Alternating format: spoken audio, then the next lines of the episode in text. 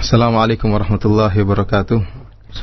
إن الحمد لله نحمده ونستعينه ونستغفره ونعوذ بالله من شرور أنفسنا وسيئات أعمالنا. من يهده الله فلا مضل له ومن يضلل فلا هادي له. أشهد أن لا إله إلا الله وحده لا شريك له وأشهد أن محمدا عبده ورسوله لا نبي بعده. يا أيها الذين آمنوا اتقوا الله حق تقاته ولا تموتن إلا وأنتم مسلمون. فإن أحسن الكلام كلام الله وخير الهدي هدي محمد صلى الله عليه وسلم وشر الأمور محدثاتها فإن كل محدثة بدعة وكل بدعة ضلالة وكل ضلالة في النار Ikhwani fillah wa akhwati fid din azani Allah wa iyyakum para pendengar Radio Roja dimanapun Anda berada Alhamdulillah pada pagi hari ini uh, kita bisa bersua kembali melalui sarana radio yang penuh barakah Radio Roja dan insya Allah pada uh, pertemuan kita kali ini kita akan uh, uh, menyinggung sedikit dari biografi seorang sosok yang sangat terkenal, yang sangat ma'ruf di kalangan para ulama ya yang buku-bukunya sangat bermanfaat bagi kaum muslimin. Beliau adalah Syekhul Islam Ibn Taimiyah rahimahullah. Syekhul Islam Ibn Taimiyah rahimahullah. Uh, tentunya kita kaum muslimin perlu untuk mempelajari sejarah para ulama, terutama para ulama yang ma'ruf, yang terkenal dan diikuti oleh banyak manusia seperti al-a'immah al-arba'ah, imam-imam madhab, imam syafi'i, imam Ahmad, imam Malik, imam Abu Hanifah. Kita perlu mengenal sirah mereka. Sebagaimana juga kita mengenal, perlu mengenal para ulama yang lain seperti Al-Imam Al-Bukhari, demikian juga Syekhul Islam Ibn Taimiyah, sehingga tatkala kita melihat sejarah mereka, melihat bagaimana perjuangan mereka, melihat bagaimana letihnya mereka dalam uh, berdakwah ya, bagaimana semangat mereka dalam berdakwah, bagaimana pengorbanan yang mereka keluarkan dalam dakwah ya. Maka insya Allah akan mendorong kita dan memotivasi kita dalam beramal soleh dan dalam berdakwah dan dalam melakukan amalan-amalan kebajikan. Karena sungguhnya jiwa ini ya, terutama di zaman sekarang ini zaman yang penuh fitnah, zaman yang penuh syubhat, zaman yang penuh syahwat. Terkadang jiwa akhirnya ya timbul rasa malas dalam beribadah, rasa malas dalam berdakwah, rasa malas dalam tuntut ilmu.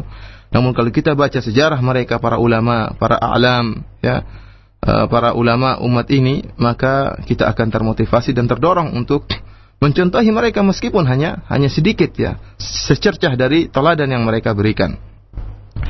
Adapun pembahasan kita kali ini adalah uh, sosok seorang ulama yang sangat ma'ruf yaitu Syekhul Islam Ibn Taimiyah rahimahullah. Kenapa saya katakan sangat ma'ruf, sangat terkenal ya? Dan ini sebagaimana perkataan Al-Hafidh Ibn Hajar rahimahullah, salah seorang ulama besar dari mazhab Syafi'i yang memiliki kitab Fathul Bari Syarah Sahih Al-Bukhari. Al-Hafidh Ibn Hajar rahimahullah sangat memuji Syekhul Islam Ibn Taimiyah. Ya. Beliau sangat memuji dan mengagungkan Syekhul Islam Ibn Taimiyah sampai beliau berkata, "Syuhratu imamati Syekh Taqiyuddin ashharu minas syams." Kata Al-Hafidh Ibn Hajar, sungguhnya terkenalnya keimamannya Syekh Taqiyuddin yaitu imamahnya seorang imam Syekhul Islam Ibn Taimiyah ashharu minas syams lebih terkenal daripada matahari. Bayangkan ini pujian yang sangat luar biasa. Pujian bukan dari seorang biasa, pujian dari seorang alim yang sangat besar yaitu Al-Hafidh Ibnu Hajar yang sangat ma'ruf di kalangan mazhab kita mazhab Syafi'i. Ya, kata dia, syuhratu imamati syekh, ketenaran uh, Syekhul Islam Ibnu Taimiyah ashharu minas syams, lebih terkenal daripada matahari. Kemudian beliau memuji lagi, wa talqibuhu bi Syekhul Islam min asrihi baqin ilal an alal alsinati zakiyah wa yastamiru wa yastamiru gadan kama kana bil ams. Ya, kata beliau dan Ibnu Taimiyah digelari dengan Syekhul Islam sejak zaman beliau, sejak zaman Syekhul Islam Ibnu Taimiyah akan terus berlanjut sampai sekarang.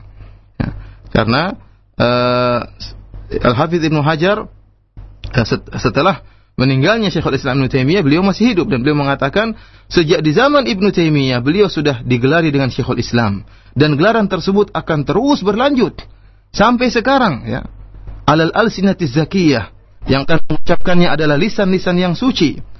Wa istamirru ghadan kama kana bil ams dan akan terus berlanjut sebagaimana telah berlalu pujian tersebut. Kemudian kata beliau menutup pujian beliau, wala yungkiru dzalika illa man jahila miqdarahu aw tajannabal insaf. Dan tidak ada seorang pun yang mengingkari gelaran Syekhul Islam kepada Ibnu Taimiyah kecuali orang yang jahil, kecuali orang yang bodoh yang tidak mengetahui tentang kedudukan Syekhul Islam Ibnu Taimiyah atau tidak berbuat insaf, tidak berbuat adil. Perkataan ini disebutkan oleh Hafiz Ibnu Hajar dalam uh, mukaddimah yang beliau berikan terhadap sebuah buku yang ditulis oleh Ibnu Nasiruddin Ad-Dimashqi yang berjudul Ar-Raddul Wafir ala man za'ama bi anna man samma Ibnu Taimiyah Syekhul Islam kafir. Ya. Sebuah judul buku yang ditulis oleh Ibnu Nasiruddin Ad-Dimashqi yang berjudul jawaban yang yang banyak atau jawaban yang kuat terhadap orang yang mengkafirkan orang yang mengatakan bahwasanya Ibnu Taimiyah Syekhul Islam. Jadi se, se, uh, sempat timbul uh, pro dan kontra terhadap Syekhul Islam Ibnu Taimiyah sehingga sebagian orang-orang yang hasad mereka mengatakan barang siapa yang mengatakan Ibnu Taimiyah Syekhul Islam maka dia adalah kafir. Kemudian datanglah seorang yang bernama Ibnu Nasiruddin Ad-Dimashqi menulis sebuah buku dan membantah tuduhan tersebut. Buku itu diberi mukaddimah oleh Al-Hafidh Ibnu Hajar rahimahullah dan beliau menyebutkan pujian yang tadi telah saya uh, sampaikan. Ikhwani fillah, Azani Allah iyyakum wa din para pendengar radio Roja yang dimuliakan oleh Allah Subhanahu wa taala. Uh, oleh karenanya perhatian para ulama dari zaman dulu sampai zaman sekarang terhadap buku-buku Syekhul Islam Ibn Taimiyah sangatlah besar ya karena bagaimana luasnya ilmu beliau sampai kita saja di uh, di Islamic University of Madinah ya uh, Jami Islamiyah di Madinah kita dapati ternyata tesis yang ditulis mengenai Syekhul Islam Ibn Taimiyah Sangatlah banyak, sampai sekitar 200 tesis, baik tesis magister maupun tesis doktoral S2 atau S3 yang berkaitan tentang ilmu usul fikihnya Syekhul Islam, tentang fikihnya Ibnu Taimiyah, tentang akidahnya Ibnu Taimiyah, tentang dakwahnya Ibnu Taimiyah, tentang berbagai sisi uh, ilmiah dari Syekhul Islam Ibnu Taimiyah sampai 200 tesis. Bayangkan bagaimana uh, luasnya ilmu Syekhul Islam Ibnu Taimiyah. Oleh karenanya Al-Hafidz Az-Zahabi rahimahullah yang dia merupakan uh, juga salah seorang murid Syekhul Islam dan dia adalah ulama besar di kalangan madhab Syafi'i dia mengatakan wa huwa a'zamu min antasifahu kalimi. Dia Syekhul Islam lebih agung dari apa yang aku utarakan dengan kalimat-kalimatku. Ya. Fa inna siratahu wa ulumahu wa ma'arifahu mahina wa mihanahu tanakkulatihi yahtamilu an tudha fi mujalladatain.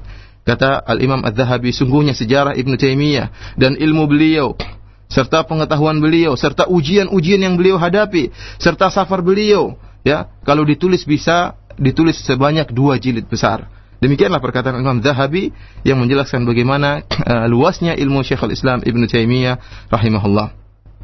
Siapakah beliau? Uh, beliau bernama Ahmad bin Abdul Halim bin Abdul Salam Ibn Taimiyah Al-Harrani thumma, thumma Dimashqi. Beliau adalah jadi nama beliau adalah Ahmad. Ayah beliau bernama Abdul Halim dan kakak beliau adalah Abdul Salam Ibnu Taimiyah ya. Dan dia dilahirkan di sebuah kota yang bernama Harran. Yang sampai sekarang masih ada kota tersebut dan masih ada asar uh, peninggalan uh, keluarga Taimiyah. Bahkan masih ada tempat di situ tunjukkan itulah dulu rumah keluarga Taimiyah. Syekhul Islam dan ayahnya serta uh, kakek beliau ya. Uh, Ibnu Taimiyah ya. Pantas dia adalah seorang ulama besar. Kenapa? Karena beliau dilahirkan dalam keluarga ulama. Ayah beliau merupakan ulama besar dari mazhab Hanabilah. Demikian juga kakek beliau Majduddin Abdul Barakat Abdul Salam merupakan salah seorang ulama besar dari mazhab Hambali. Bahkan beliau memiliki kitab yang sangat besar yang bernama Al-Muntaqa yang mengumpulkan tentang hadis-hadis hukum. Yang kitab Al-Muntaqa inilah yang diikhtisar oleh Al-Imam Asy-Syaukani kemudian disyarah oleh Al-Imam Asy-Syaukani ya. Itulah dari asalnya dari kitab Al-Muntaqa yang dikarang oleh kakek dari Syekhul Islam Ibn Taimiyah. Dan beliau juga uh, memiliki saudara-saudara ya, saudara kandung atau saudara seayah yang juga merupakan para ulama. Beliau memiliki tiga orang saudara, baik saudara seibu ataupun saudara kandung ya yang ketiga orang tersebut juga merupakan ulama oleh karenanya pantas sejak kecil tatkala tumbuh di dalam sebuah rumah yang memiliki kondisi seperti ini ayahnya ulama kakeknya ulama, saudara-saudaranya juga ulama, ya, bahkan ibunya juga adalah wanita yang salehah sebagaimana disebutkan oleh uh, Al-Imam Ibnu Katsir, kanat minas salihat. Ibu Ibnu Taimiyah ibunya adalah seorang wanita yang saleh. Yang inilah yang mendorong Syekhul Islam sejak kecil sudah belajar. Sudah kecil, sejak kecil sudah nampak kecerdasan beliau. Sampai kecerdasan beliau terkenal di negeri beliau ya. Ya, sampai terkenal di kalangan masyarakat ada seorang yang sangat cerdas. Ya. Namanya Ahmad Taqiyuddin ya. Ahmad bin Abdul Halim, yaitulah Ibnu Taimiyah, terkenal di kalangan masyarakat. Sampai para ulama yang datang mencari-cari tahu siapa sih Ahmad bin Abdul Halim yang sangat terkenal kecerdasannya. Dialah Syekhul Islam Ibnu Taimiyah. Kita bisa bayangkan bagaimana cerdasnya Ibnu Taimiyah. Tatkala umur beliau kurang dari 10 tahun, ya, beliau pernah berdebat dengan seorang Yahudi. Tatkala umur beliau kalau tidak salah 8 tahun, berdebat dengan seorang Yahudi. Setelah debat orang Yahudi ini masuk Islam.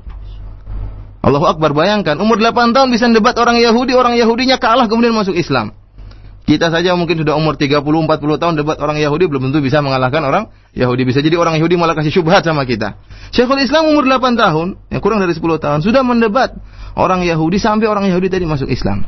Bagaimana cerdasnya beliau ya. Oleh karenanya beliau masih umur belasan tahun sudah banyak memiliki ilmu yang sangat luas. Sudah banyak buku yang telah beliau pelajari. Beliau belajar dari sekitar 200 syekh. Ya. Guru beliau sekitar 200 orang. Saya akan sebutkan perkataan salah seorang muridnya Ibn Abdul Hadi rahimahullah tentang bagaimana ilmu Syekhul Islam Ibn Taimiyah tatkala masih umur belasan tahun. Karena beliau berfatwa tatkala umur beliau 19 tahun. Sebelumnya beliau telah memiliki ilmu yang sangat luas. Kata Ibn Abdul Hadi rahimahullah, Sami al-Musnad al-Imam Ahmad bin Hambal marratin. Ini Imam Ibn Taimiyah telah mendengar ya itu mendengar langsung tidak cuma baca dengar langsung Imam Mustad Imam Ahmad berulang-ulang. Antum tahu Mustad Imam Ahmad berapa jilid sekarang dicetak? Dicetak 50 jilid ya sekitar 49 jilid. Hadis-hadisnya sekitar 30 ribu hadis. Kita saja Sahih Bukhari saja nggak pernah tamat padahal Sahih Bukhari cuma sekitar 7 ribu hadis. Dengan tikror tanpa tanpa ulangan sekitar 4 ribu hadis. Ini Musnad Imam Ahmad yang hadisnya ada sekarang dicetak sekitar 50 jilid, itu pernah didengar oleh Syekhul Islam Ibnu Taimiyah berulang-ulang. Sampai disebutkan hampir-hampir dia menghafal seluruh hadis-hadis tersebut. Adapun Sahihain Bukhari dan Muslim beliau jelas hafal. Sampai-sampai Musnad bukan cuma Musnad Imam Ahmad, Musnad yang lain hampir-hampir beliau hafal. Bagaimana tidak? Beliau dengar berulang-ulang. Kemudian juga beliau mendengar tentang uh, Al-Kutubus Sittah ya, Sahih Bukhari, Sahih Muslim, ya, Kemudian juga Abu Daud dan sunan-sunan yang lainnya. Mu'jam At-Tabrani Al-Kabir sekarang dicetak juga puluhan jilid. Bayangkan, itu tatkala umur beliau masih belasan tahun. Kita subhanallah buku apa yang sudah kita tamatkan.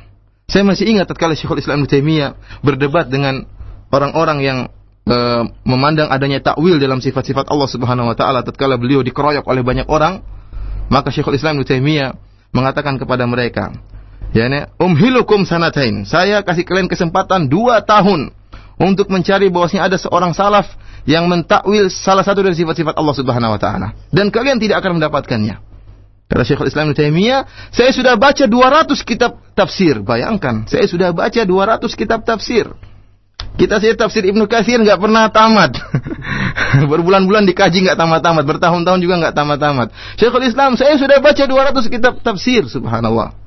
Ya. Dan bukan cuma baca dan beliau hafal apa yang beliau baca. Maka beliau mengatakan saya sudah baca dua kitab tafsir, tidak ada seorang salaf pun yang mentakwil sifat-sifat Allah Subhanahu wa taala. Bagaimana luasnya uh, bacaan beliau dan bagaimana luasnya ilmu beliau. Oleh karena sejak kecil beliau sudah menuntut ilmu, ya. Eh, Al Imam Az-Zahabi rahimahullah menceritakan bagaimana tentang uh, masa kecil beliau.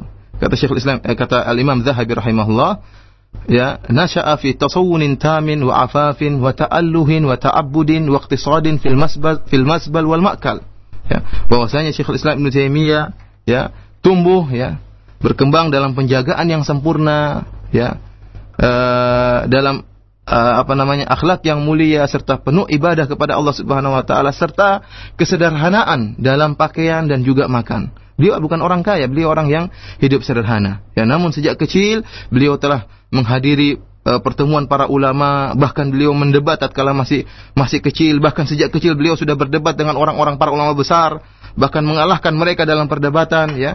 Subhanallah yang menunjukkan bagaimana uh, keluasan ilmu beliau meskipun masih kecil. Sehingga tatkala umur 19 tahun, Syekhul Islam Ibnu Taimiyah rahimahullah uh, sudah menjadi mufti tatkala itu dan mulai menulis buku-buku yang beliau karang sejak umur 19 tahun rahimahullahu taala. Yang penting pada pertemuan kita kali ini, saya ingin uh, menyampaikan sisi uh, akhlak Nabi uh, sisi akhlak Syekhul Islam Ibnu Taimiyah ya. Karena kita ketahui ya Syekhul Islam Ibnu Taimiyah adalah seorang yang alim yang mengumpulkan antara ilmu dan amal. Beliau adalah orang yang sangat alim namun beliau juga adalah orang yang sangat karam yaitu sangat murah hati dan beliau juga adalah mujahid seorang berjihad di jalan Allah Subhanahu wa taala dan beliau sangat memperhatikan hak-hak sesama kaum muslimin. Oleh karenanya meskipun beliau ya, meskipun beliau hidup dalam dengan penuh kesederhanaan, dengan pakaian yang sederhana, dengan makanan yang sederhana, namun karena banyak orang yang cinta kepada beliau ya, sering orang memberikan kepada beliau harta yang sangat banyak. Setiap tahun datang kepada beliau harta yang sangat banyak. Namun meskipun demikian, harta yang datang kepada beliau tidak beliau manfaatkan untuk diri pribadi. Berkata salah seorang ulama yaitu Ahmad bin Yahya Al-Amri tentang tatkala menjelaskan tentang bagaimana uh, rasa apa namanya dermawannya Syekhul Islam Ibnu Taimiyah. Kata beliau, "Kana yaji'uhu minal mal fi kulli sanatin ma la yakadu yuhsa, fayunfiquhu jami'an alafan wa mi'in." Kata beliau, Syekhul Islam Ibnu Taimiyah diberi hadiah yaitu harta yang sangat banyak yang tidak bisa dihitung banyaknya harta tersebut. Ini sangat banyak luar biasa. Fayunfiquhu jami'an, maka Syekhul Islam Ibnu Taimiyah menginfakkan seluruh harta tersebut ribuan dinar, ribuan dirham, ratusan dinar, ratusan dirham. La yalmasu minhu dirhaman biyadihi. Sama sekali dia tidak pernah menyentuhkan tangannya kepada satu dirham itu pun. Tidak pernah dia sentuh tangannya untuk satu dirham tadi. Semua harta yang dia datang kepada segera dia infakkan. Wala yanfiquhu fi hajatin lahu dan tidak pernah dia infakkan untuk kebutuhan pribadi. Bayangkan padahal itu harta datang untuk untuk dia, untuk kepribadi untuk kebutuhan pribadi. Namun tidak satu dirham pun, artinya tidak satu real pun, tidak satu rupiah pun, dia ambil untuk keperluan pribadinya. Namun dia infakkan seluruhnya untuk kaum muslimin. Wa kana ya'udul marda. Syekhul Islam Ibn Taimiyah, ya, beliau Bukan bukan hanya sibuk dengan menulis, sibuk dengan dakwah, namun beliau juga memperhatikan hak-hak kaum muslimin. Kalau ada yang sakit beliau kunjungi. Disebut ini beliau mengunjungi orang-orang yang sakit. Wa janaiz dan beliau juga mengantarkan orang yang meninggal di antar kuburannya kemudian dimasukkan dalam liang lahat. Wa yaqumu bi huquqin nas wa yata'allafal qulub. Dan beliau uh, menjalankan hak-hak manusia dan beliau berusaha uh, menyatukan hati-hati manusia. Itulah sifat Syekhul Islam Ibn Taimiyah. Ya, bayangkan hidup sederhana, miskin namun luar biasa uh, kedermawanan beliau. Ya. Namun meskipun beliau sibuk dalam berdakwah, meskipun beliau sibuk dalam menulis, beliau masih menyempatkan waktu untuk uh, untuk menjalankan hak-hak atau menunaikan hak-hak kaum muslimin. Makanya beliau uh, mengunjungi orang yang sakit, ada orang meninggal dunia, beliau antar ke kuburan. Dan ini yang terkadang dilalaikan oleh sebagian dai ya. Ya, kita punya contoh yang luar biasa. Nabi Shallallahu Alaihi Wasallam. Ya. Nah, kalau saya sebutkan Nabi, saya sebutkan Nabi, mungkin orang-orang bilang itu kan Nabi. Ya. Ya. Orang itu kan Nabi. Kalau saya sebutkan sahabat, bagaimana sifat mereka yang luar biasa, orang-orang mungkin mengatakan itu sahabat. Saya katakan sekarang ada manusia setelah sahabat.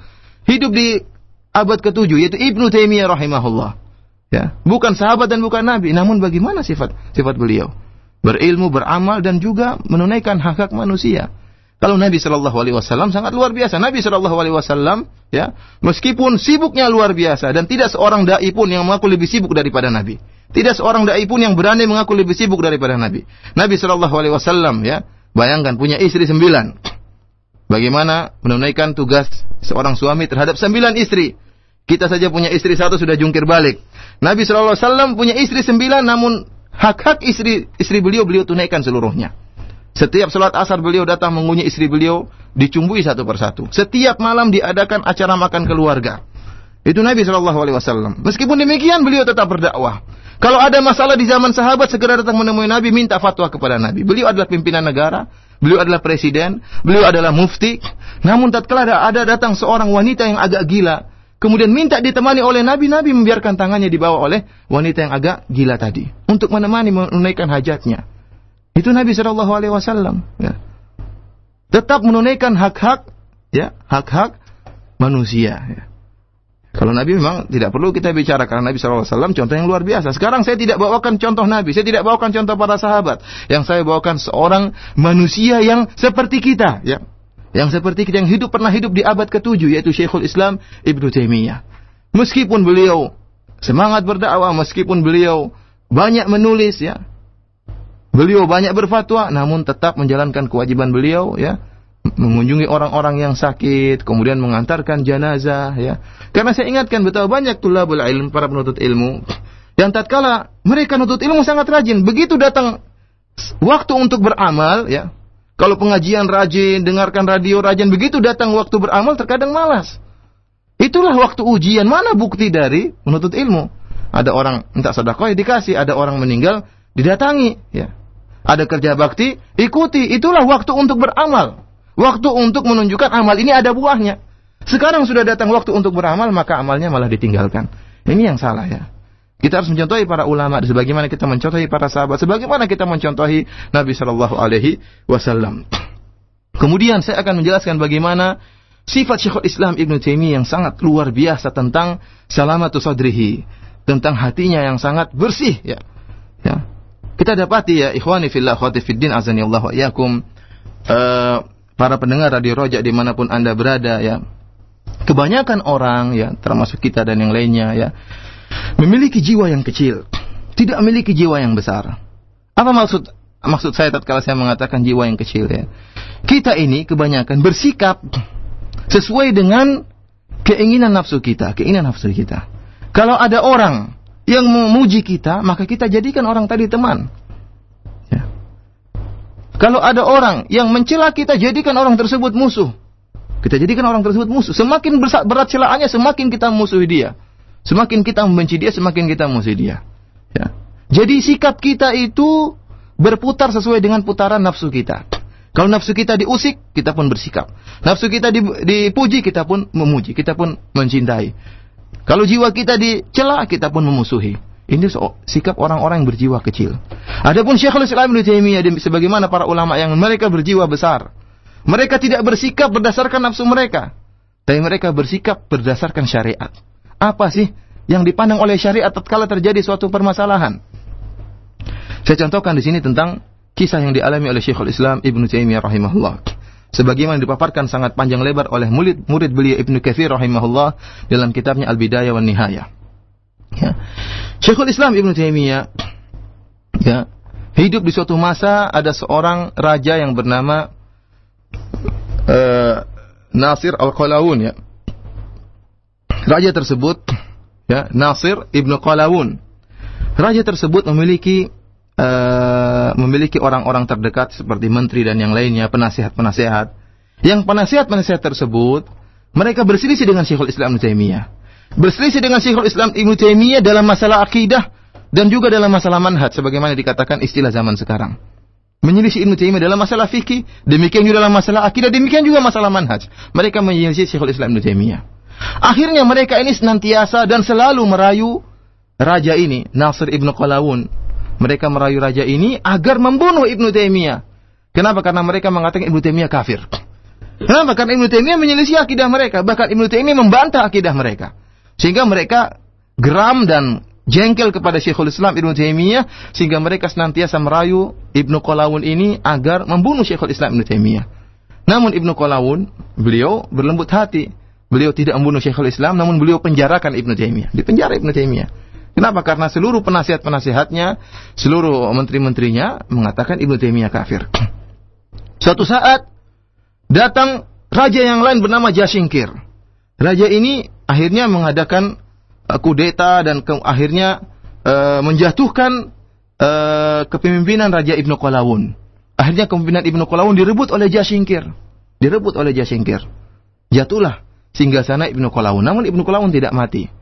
Dia pun lari karena singgasana telah terjatuhkan dan direbut oleh Jasingkir. Ternyata tatkala Jasingkir naik menjadi raja, penasihat-penasihat tadi di kalangan ahlul bidah tadi mereka pun menjadi penjilat, mereka pun mendekati Jasingkir. Raja Kolawun tadi ditinggal.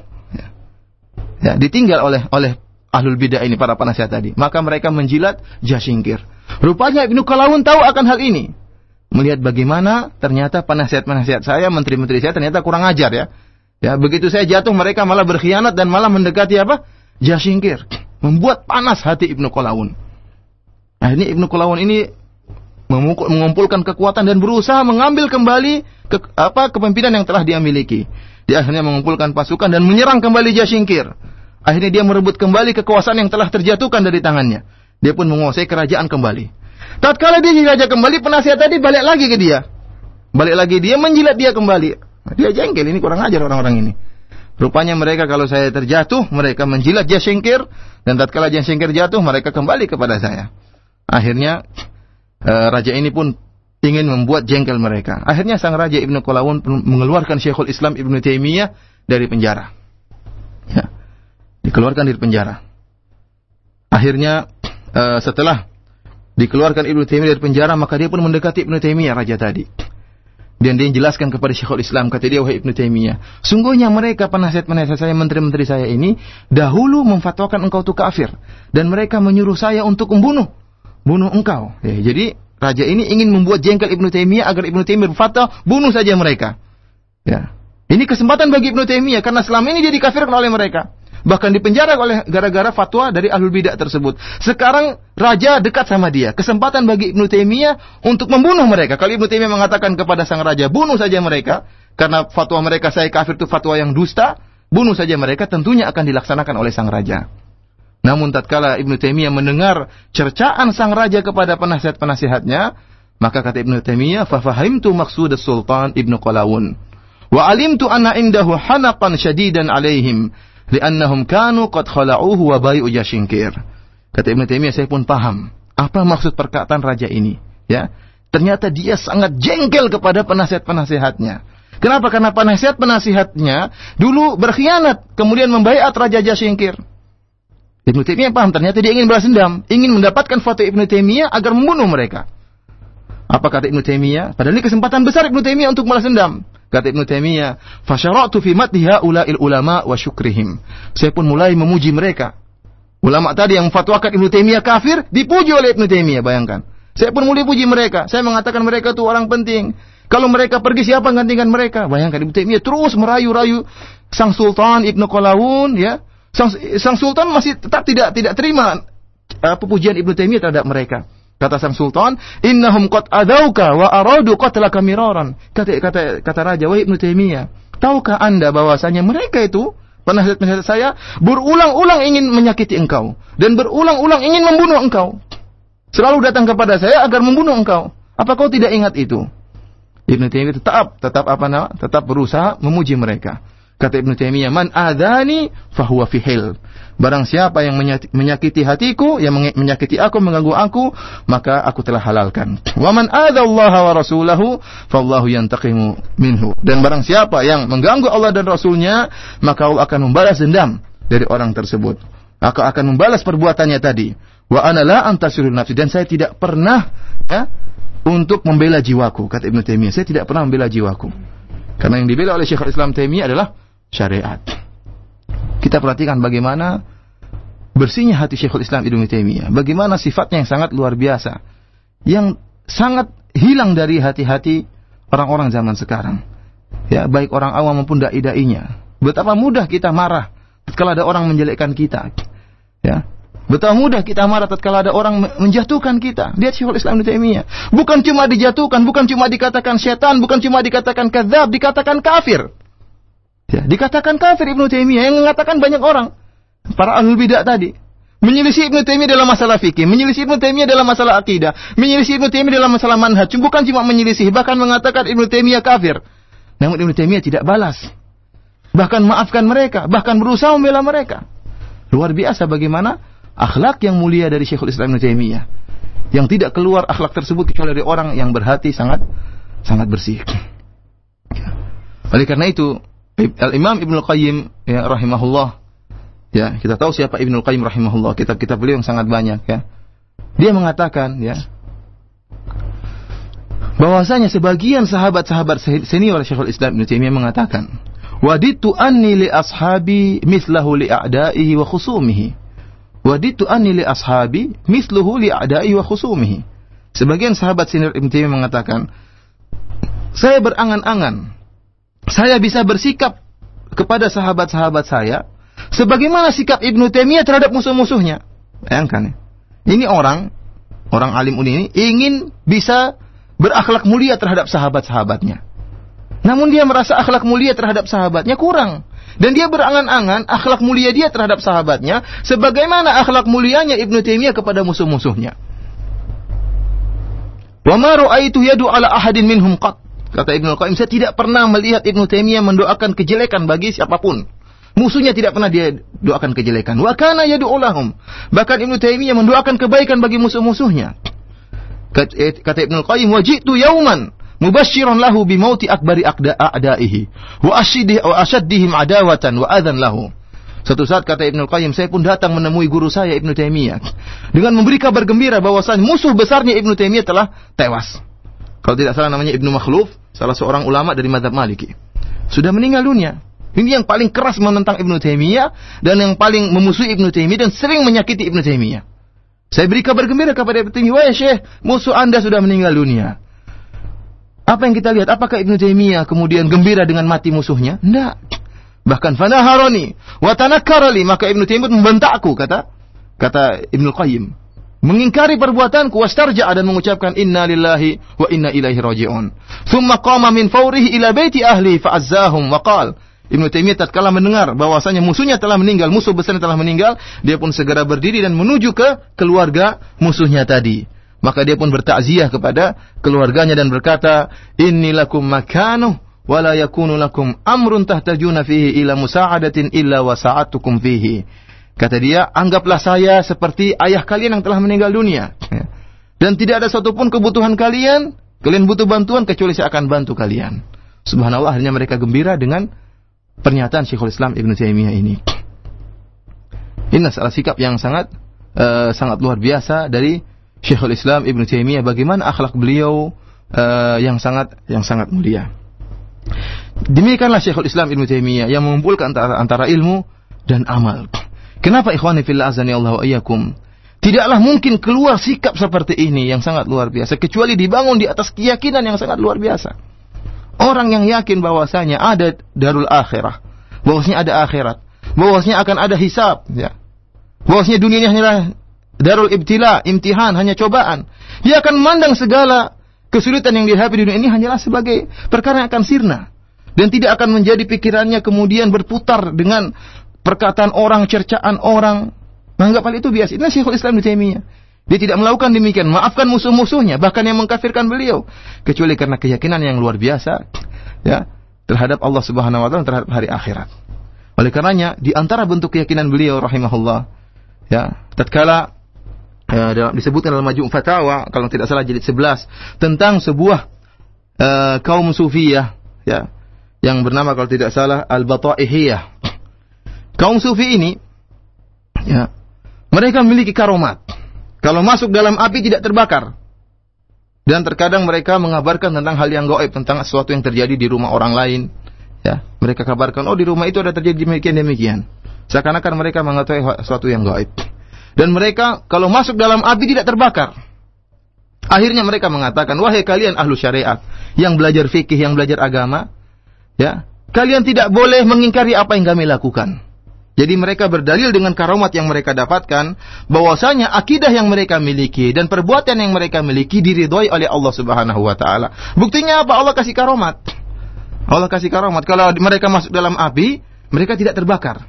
Inilah yang mereka jadikan dalil di depan para para umara, ya para uh, bupati atau gubernur. Kata mereka, apa yang kami yakini, akidah kami yang rusak tersebut, kata mereka, akidah kami ini benar. Dan kalian ahlu syariat, ahli fikih tidak boleh mengingkari kami. Kenapa? Karena Allah telah beri karomat kepada kami. Sampailah perkataan ini kepada Syekhul Islam Ibn Taimiyah rahimahullah. Perkataan yang sangat luar biasa menurut Ibn Taimiyah rahimahullah. Maka Syekhul Islam Ibn Taimiyah pun Sholat kata dia saya pun istaghfar apa melakukan istikharah. Ibn Taimiyah pun uh, istaghfirullah, aku pun beristikharah wastahdaituhu dan aku minta petunjuk kepada Allah Subhanahu wa taala. So, Ibn Taimiyah pun salat kemudian beribadah kepada Allah. Akhirnya kata dia Allah pun mengilhamkan kepadaku untuk masuk ke dalam api bersama mereka. Ayat Ibn Taimiyah pun mendatangi sang raja atau sang gubernur. Kata dia, saya telah istikharah dan saya telah minta petunjuk kepada Allah Subhanahu wa taala dan saya ingin masuk ke dalam api bersama mereka. Barang siapa yang terbakar berarti salah. Yang tidak terbakar berarti benar. Kata raja, Awataf alu dhalik? Apa kau nekat melakukan Ibnu Taimiyah? Seperti raja tidak ingin Ibnu Taimiyah masuk dalam api karena khawatir Ibnu Taimiyah terbakar. Kata Ibnu Taimiyah, saya akan masuk dalam api bersama mereka dan saya tantang mereka. Kalau memang mereka di atas kebenaran, ya, mereka tidak akan terbakar, saya yang terbakar. Tapi kalau saya yang di atas kebenaran, mereka yang terbakar. Luar biasa, ini keyakinan yang luar biasa. Siapa yang berani seperti Ibnu Taimiyah? Akhirnya raja pun ragu-ragu. Kemudian tatkala mendengar tantangan Ibnu Taimiyah, para para orang-orang al-Bata'ihiyah ini pun datang dan mereka sok-sokan untuk nekat masuk dalam dalam api. Mereka hadir dan peristiwa ini ditonton oleh banyak orang. Ini peristiwa besar, ya. Perdebatan di hadapan sang raja ditonton oleh banyak orang antara hak dan benar. Karena mereka sok, mereka mengatakan kami di atas kebenaran akidah ya. Kesesatan yang mereka miliki, mereka anggap benar karena mereka memiliki karomat, memiliki ke, uh, apa namanya hal-hal yang ajaib. Ibnu Taimiyah tantang mereka.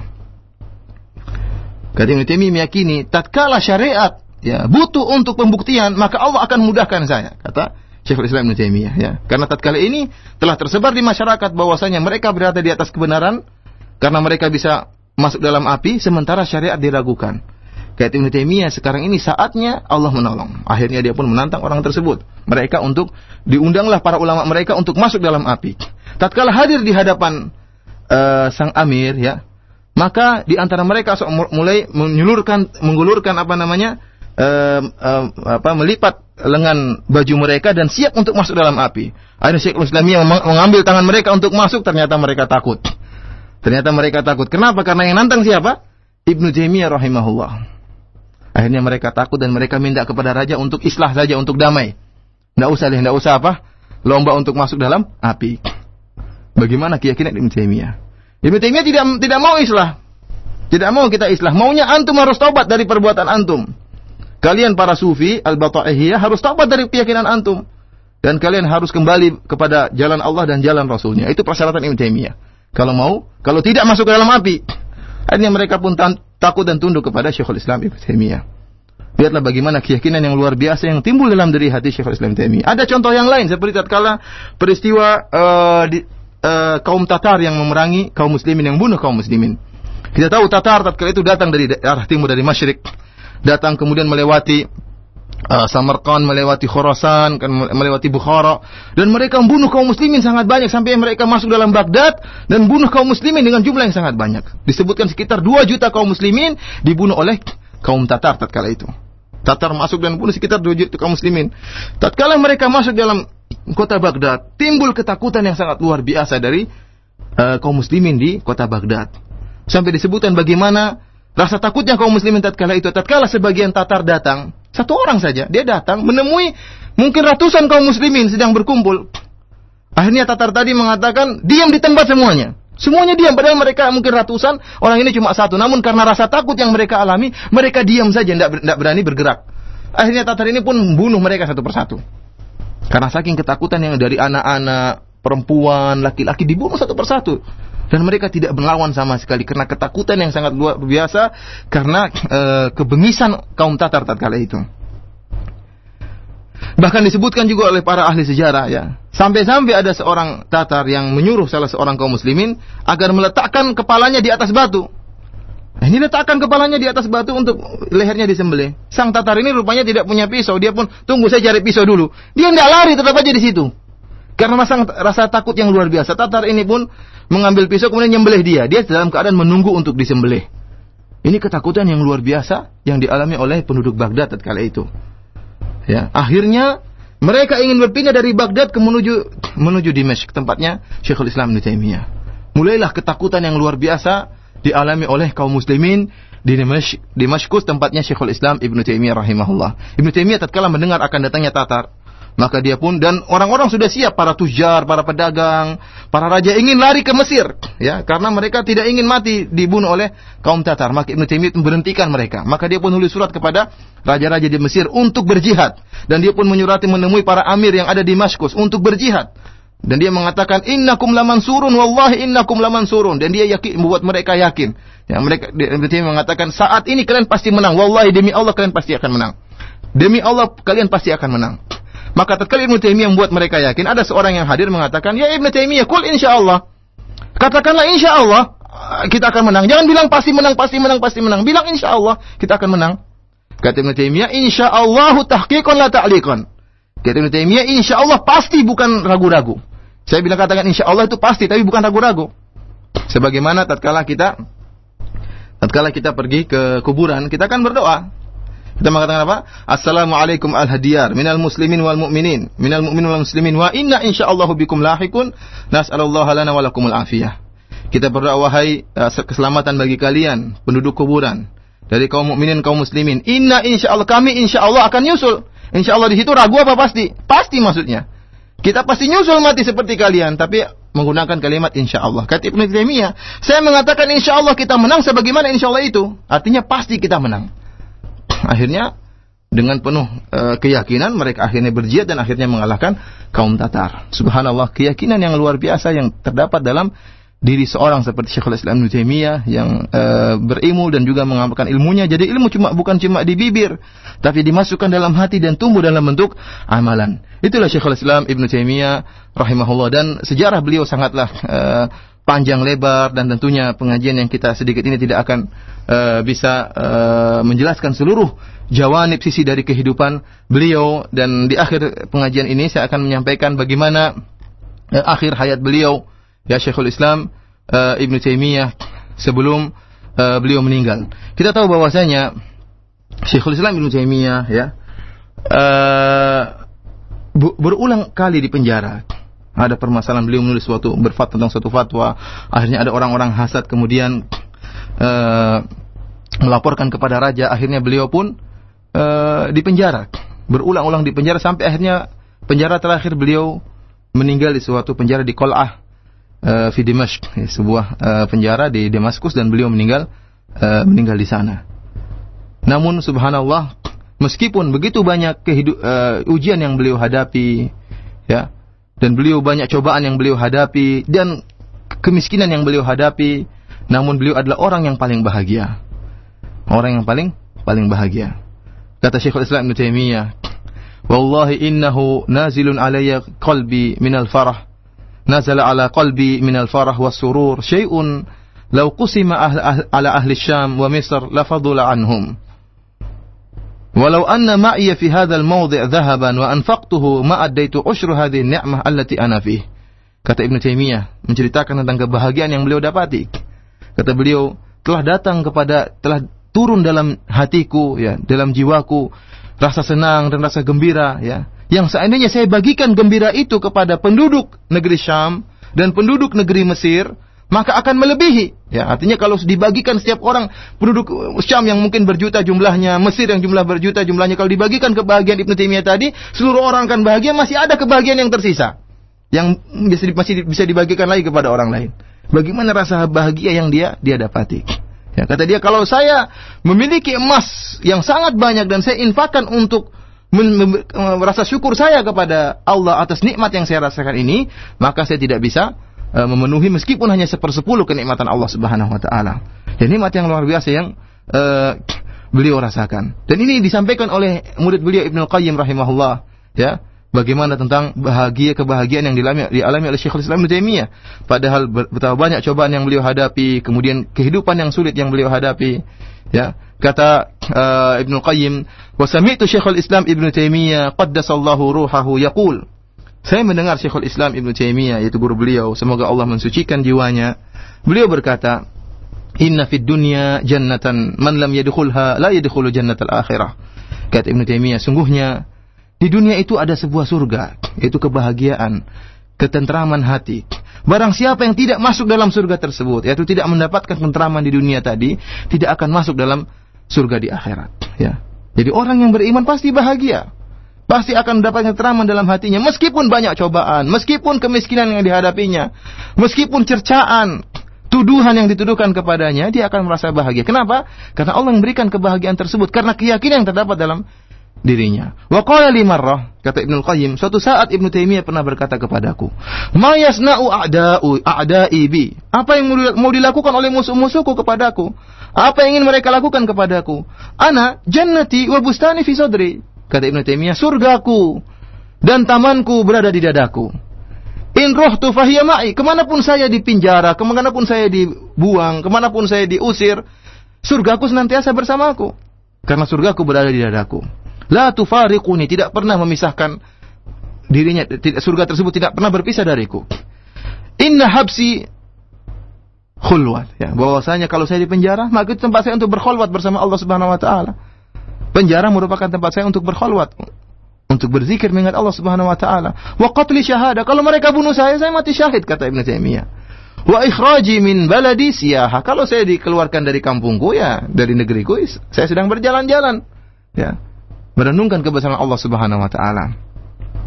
Tatkala beliau di penjara, ya di penjara tatkala yang akhirnya beliau meninggal di penjara tersebut, kata Syekhul Islam Ibnu Taimiyah, "Lau badaltu mil'a hadhihi al-qal'ah dhahaban ma adila indi syukru hadhihi ni'mah." Ya, kalau seandainya saya punya emas sebesar apa namanya benteng ini, ya, emas sebanyak benteng ini, kemudian saya infakkan kepada jalan Allah Subhanahu Wa Taala, saya belum bisa menunaikan rasa syukur saya kepada Allah Subhanahu Wa Taala. Kenapa? Karena kebahagiaan yang sangat uh, beliau dapatkan. Bahkan tatkala beliau di penjara, beliau sujud boleh berdoa kepada Allah. Karena kita tahu Ibnul Qayyim, tatkala Syekhul Islam di penjara, dia memenjarakan dirinya, Ibnul Qayyim. Ikut di penjara bersama Ibnu Taimiyah dalam rangka untuk melayani gurunya, dalam rangka untuk menimba ilmu dari gurunya. Maka tatkala Ibnu eh, Ibnu Taimiyah sujud dalam tatkala di penjara dia berdoa, Allahumma a'inni ala dzikrika wa syukrika wa husni ibadatik. Dia senantiasa berdoa, ya Allah, Kuatkanlah aku, bantulah aku untuk senantiasa mengingat Engkau ya Allah, untuk bersyukur kepada Engkau ya Allah. Bayangkan, dia di penjara dan dia merasa bersyukur kepada Allah Subhanahu wa taala. Dan juga Ibnu Taimiyah pernah berkata, "Al-mahbus man habisa qalbuhu an rabbih ta'ala." Man habisa qalbuhu an rabbih ta'ala. Orang yang dipenjara itu pada hakikatnya yaitu yang hatinya terpenjarakan dari Allah Subhanahu wa taala. Wal ma'sur man asarahu hawahu. Dan orang yang tertawan yaitu orang yang telah ditawan oleh oleh hawa nafsunya. Demikianlah Syekhul Islam Ibnu Taimiyah menghabiskan hari-harinya uh, di penjara ya. Dan kemudian akhirnya beliau meninggal tatkala di penjara disebutkan tatkala di akhir hayat beliau, beliau dilarang untuk menulis. Karena beliau meskipun di penjara masih banyak penuntut ilmu yang datang minta fatwa, bahkan ada yang minta dituliskan buku. Sampai akhirnya e, pengurus penjara pun marah sama Syekhul Islam Ibnu Taimiyah. Akhirnya seluruh pena, seluruh kertas dilarang tidak boleh ada Ibnu Taimiyah, tidak boleh ada kertas, tidak ada boleh pena, tidak boleh ada satupun yang buat beliau tulis. Akhirnya beliau pun beribadah kepada Allah, sholat, kemudian e, baca Quran sampai tatkala beliau dilarang untuk menulis, beliau menamatkan Al-Quran sekitar 80 kali. Kemudian beliau pun uh, meninggal dunia dan ayat yang terakhir yang beliau uh, baca itu dari ayat dari terakhir dari surat Al-Qamar, "Innal muttaqina fi jannatin wa nahar fi maq'adi sidqin inda malikin muqtadir." Itulah bacaan ayat yang terakhir yang beliau baca sebelum uh, beliau meninggal. Bahwasanya orang-orang yang bertakwa kepada Allah Subhanahu wa taala berada di taman-taman dan di eh, surga-surga Allah Subhanahu wa taala ya di suatu tempat yang uh, ada sidikin itu tempat yang penuh kebahagiaan di sisi Allah Subhanahu wa taala yang maha kuasa. Itulah ayat yang terakhir yang beliau baca setelah beliau menamatkan Al-Qur'an sekitar 80 kali kemudian beliau beliau uh, meninggal dunia.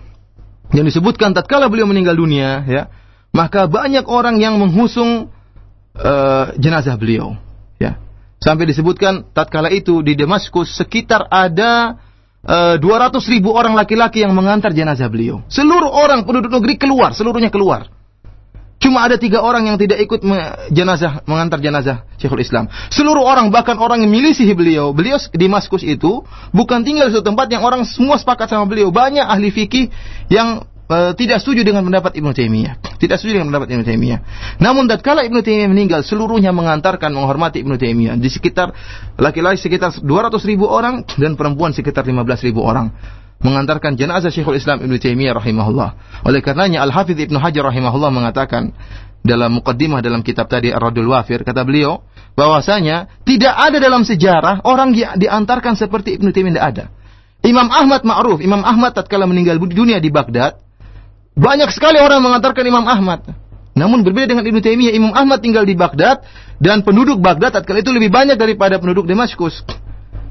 Penduduk Baghdad lebih banyak dan itu pun tidak seluruh orang Baghdad mengantarkan jenazah uh, Imam Ahmad. Meskipun jumlahnya lebih banyak daripada jumlah yang mengantarkan jenazah Imam Ibnu Taimiyah. Kenapa? Namun Imam Ahmad tinggal di kota Baghdad dan seluruh orang setuju dengan pendapat Imam Ahmad, bukan Imam Ahmad di, dihormati oleh uh, para umara, para uh, raja.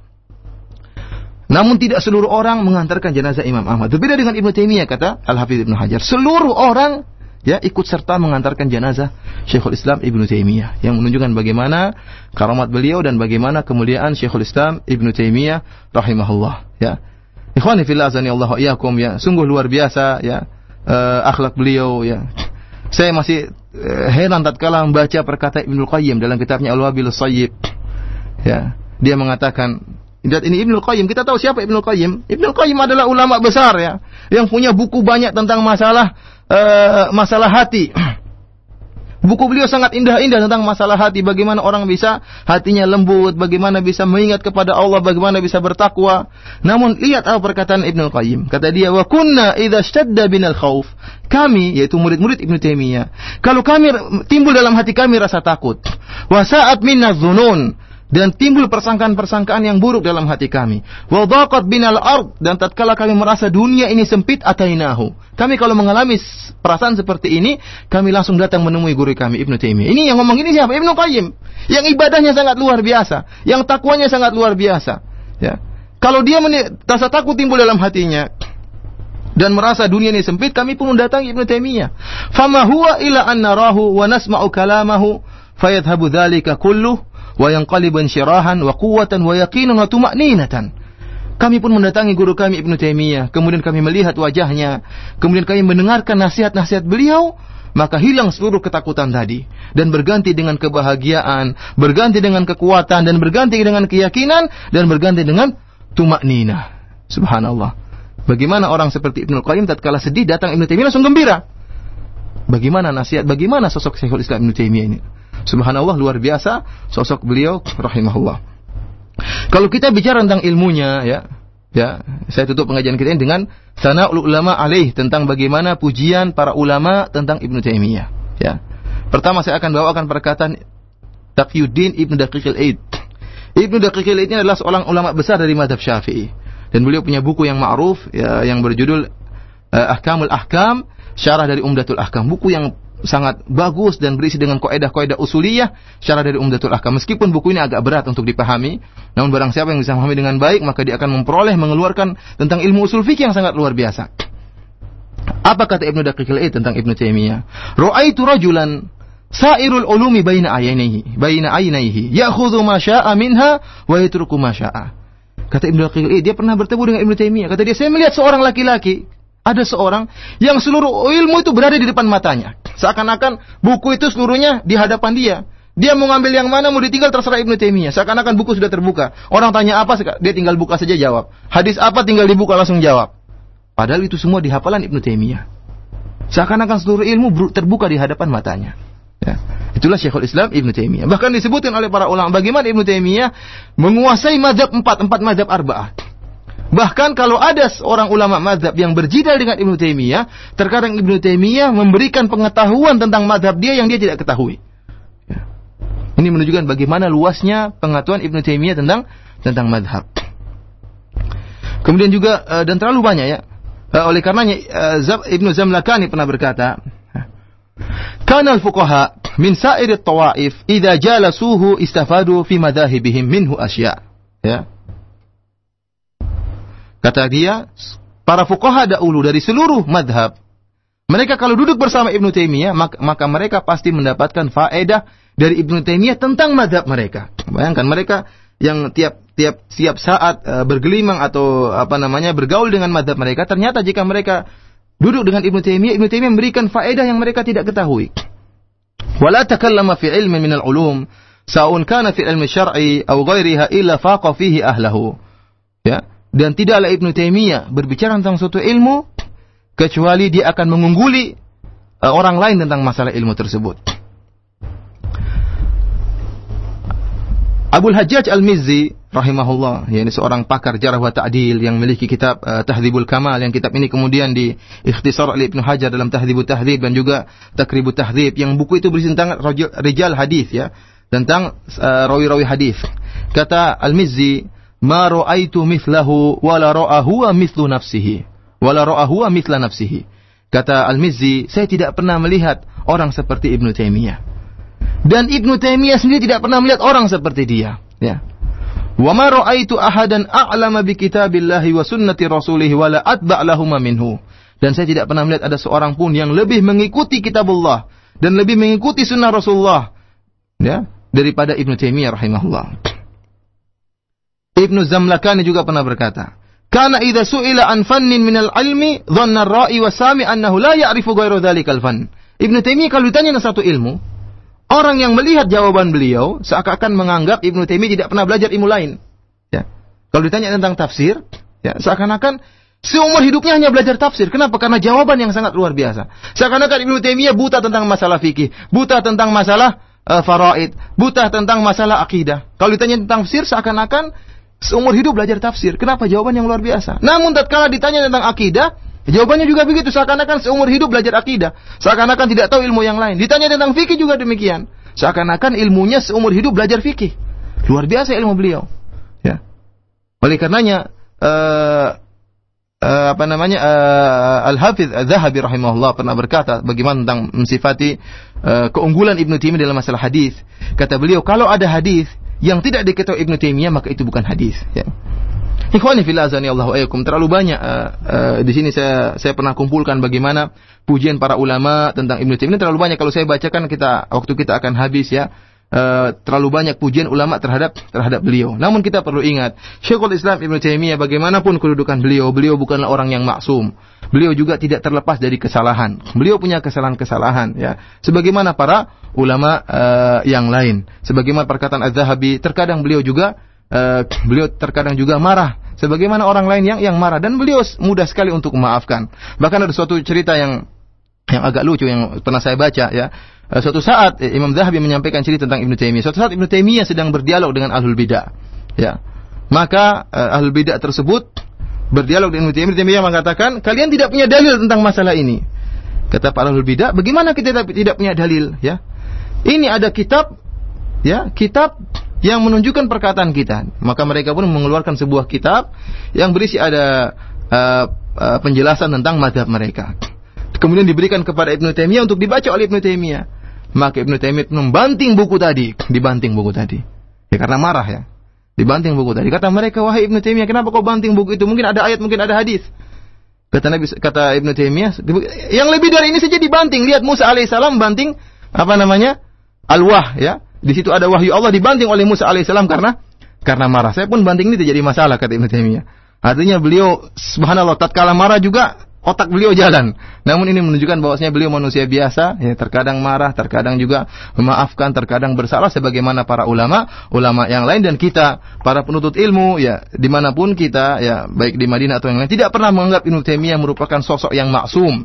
Ya, kita meyakini akan bahwasanya beliau adalah wali dari wali-wali Allah Subhanahu wa taala, akan tapi kita meyakini beliau adalah seorang yang sangat taat kepada Allah dan Rasulnya akan tapi beliau tidak maksum. Yang maksum hanyalah Allah hanyalah Rasulullah sallallahu alaihi wasallam sebagaimana perkataan Imam Malik kullun yu'khadhu min qawlihi wa illa sahib hadzal qabr. Setiap orang bisa diambil perkataannya dan bisa ditolak kecuali Rasulullah sallallahu alaihi wasallam. Demikian saja para pendengar radio Raja yang dimuliakan oleh Allah Subhanahu wa taala apa yang bisa Anda sampaikan tentang sedikit dari biografi Ibnu Taimiyah rahimahullah. Semoga kita terdorong untuk bisa mencontohi beliau sebagaimana kita mencontohi para sahabat dan mencontohi Nabi sallallahu alaihi wasallam. Wallahu taala alam bisawab. Ya demikianlah para pendengar radio Roja yang dirahmati Allah Subhanahu wa taala.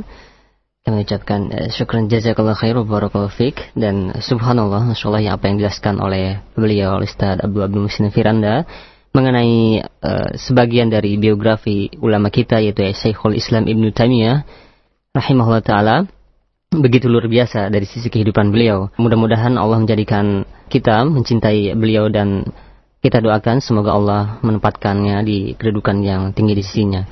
Dan selanjutnya kami beri kesempatan bagi Anda para pendengar sekalian yang ingin bertanya perihal pembahasan kita pada pagi hari ini silahkan Anda bisa menghubungi kami di 021 823 6543 atau bisa melayangkan beberapa pertanyaannya di 081 989 6543.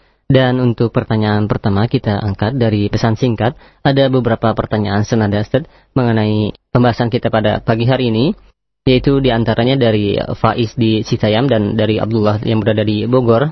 Assalamualaikum warahmatullahi wabarakatuh. Barakallahu fiik.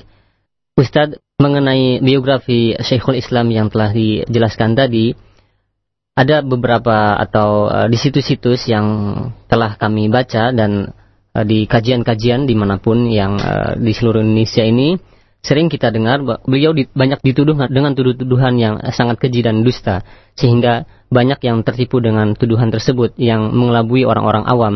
Dan banyak pula yang terluput dari beliau Syekhul Islam Ibnu Taimiyah akan ilmu beliau yang begitu uh, banyak dan begitu agung dan bermanfaat terutama di kalangan Asy'ariyah Mengapa hal ini terjadi dan bagaimana sikap kita uh, mengenai tuduhan-tuduhan tersebut?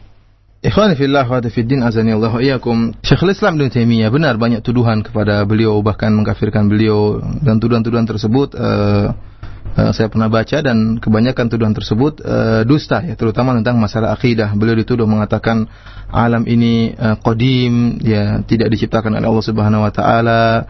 Uh, beliau dituduh sebagai mujassimah mengatakan bahwasanya Allah seperti uh, tubuh Allah seperti tubuh manusia. Banyak tuduhan-tuduhan yang dilontarkan kepada beliau, namun tuduhan-tuduhan tersebut semuanya tidak tidak benar. Dan kebetulan uh, tesis saya yang tulis tentang risalah saya magister tentang Syekhul Islam Ibnu Taimiyah tentang syubhat-syubhat yang dijawab oleh Ibnu Taimiyah rahimahullah tentang tauhid al-asma wa sifat dan tuduhan yang dituduhkan kepada beliau dari kaum asyair atau yang lainnya ya tuduhan yang yang tidak tidak benar. Syekhul Islam Ibnu Taimiyah memang sempat uh, membuat geram orang-orang Asy'ariyah. Kenapa? Karena Ibnu Taimiyah rahimahullah pernah menulis sebuah buku yaitu bantahan terhadap Ar-Razi yang Razi ini merupakan uh, ulama besar di kalangan orang-orang Asy'ariyah ya bahkan uh, dikatakan dia telah mengungguli ulama-ulama Asy'ariyah terdahulu ya seperti uh, Abdul Ma'ali Al-Juwaini, Al-Ghazali dan yang lainnya uh, karena keilmuan beliau yang sangat luar biasa. Rupanya uh, Fakhruddin Ar-Razi ya, punya sebuah buku yang beliau beli judul Asasut Taqdis. Asasut Taqdis ya. Yang buku ini sempat juga menjadi muqarrar muqarrar pada sebagian jamiah jamiah yang bermadhab uh, Asy'ariyah. Ibnu Taimiyah rahimahullah membantah buku ini dalam sebuah buku yang sekarang dicetak 8 jilid yang beliau berjud, beli judul Bayan Talbisil Jahmiyah. Ya. Bayan Talbisil Jahmiyah yaitu penjelasan tentang uh, talbis atau uh, kerancuan yang di, disuruhkan oleh Jahmiyah. Orang-orang Jahmiyah. Padahal buku itu bantahan terhadap Asy'ariyah. Kenapa? Karena dalam buku ini Ibnu ingin menjelaskan sungguhnya akidah Asy'ariyah mirip dengan akidah Jahmiyah atau kelanjutan daripada akidah Jahmiyah. Sementara orang-orang Asy'ariyah sendiri mereka mengaku mereka membantah Jahmiyah. Kenapa Ibnu Taimiyah menyamakan mereka dengan Jahmiyah padahal mereka mengaku-ngaku bantah Jahmiyah. Ini sempat membuat mereka geram ya karena Ibnu Taimiyah menyamakan menamakan Asy'ariyah dengan Jahmiyah karena memang terbukti dalam beberapa sisi keyakinan Eh, Asy'ariyah mirip dengan Jahmiyah. Tentunya pembahasan ini tentu panjang lebar dan memiliki tingkat tertentu yang saya mungkin tidak mungkin saya sampaikan sekarang ini butuh pengajian khusus dan butuh penjelasan lebih lebih lanjut. Oleh karenanya kita dapati sebagian orang-orang Asy'ariyah Uh, sangat benci kepada Ibnu Taimiyah dan berikan tuduhan-tuduhan yang tidak benar kepada beliau uh, rahimahullah. Namun seperti saya katakan, beliau bukanlah seorang yang maksum. Beliau juga memiliki kesalahan baik dalam beberapa masalah fikih sebagaimana pernah saya dapati ya seperti biasa namanya manusia ya bisa salah dan tidak tidak boleh kita anggap maksum kecuali Rasulullah Shallallahu alaihi eh, wasallam. Adapun tuduhan-tuduhan yang ditujukan kepada beliau kebanyakannya tidak benar ya, kebanyakannya tidak tidak benar. Allah taala alam bisawab. Baik, syukran jazakallah khair dan uh, selanjutnya ada pertanyaan dari pesan singkat pula. Ini uh, pertanyaan banyak dari kelompok-kelompok uh, dakwah mengklaim bahwa Syekhul Islam Ibnu Taimiyah itu merupakan ulama kami sehingga uh, ada yang mengatakan bahwa beliau itu mengajarkan tentang uh, haroka. Beliau juga mengajarkan tentang sufi dan yang lainnya. Apakah klaim-klaim uh, seperti ini uh, dapat dibenarkan? Kita mengatakan uh, alhamdulillah kalau uh, mereka yang mereka mengatakan orang-orang sufi kemudian mereka mengakui bahwa Ibnu Taimiyah uh, adalah ulama mereka. Kita sangat berbahagia tatkala mereka mengatakan demikian. Cuma kita punya tuntutan, kalau Anda mengatakan Ibnu Taimiyah merupakan ulama Anda yang mengajarkan tentang sufiyah dan mengajarkan tentang harokat, maka Anda harapkan Anda membaca buku-buku Ibnu Taimiyah. Sudahkah Anda membaca buku-buku Ibnu Taimiyah, Majmu' Fatawa? Sudahkah Anda membaca buku Ibnu Taimiyah tentang akidah, bagaimana perhatian beliau terhadap akidah? Bahkan beliau pernah ditanya oleh Al-Bazzar, murid beliau, kenapa Anda banyak menulis buku tentang akidah? Kata beliau, kalau masalah fikih, selama tidak menyelisih ijma, maka perkaranya ringan. Itu perkara Ibnu Taimiyah. perkara fikih selama tidak menyelisih ijma perkaranya ringan. Ya, oleh karenanya saya sering ulang-ulang kepada ikhwah sekalian, kalau masalah fikih ya, yang sementara masalah tersebut masih masalah di antara madhab, kita berhak untuk menjelaskan kebenaran. Namun kita tidak boleh paksa.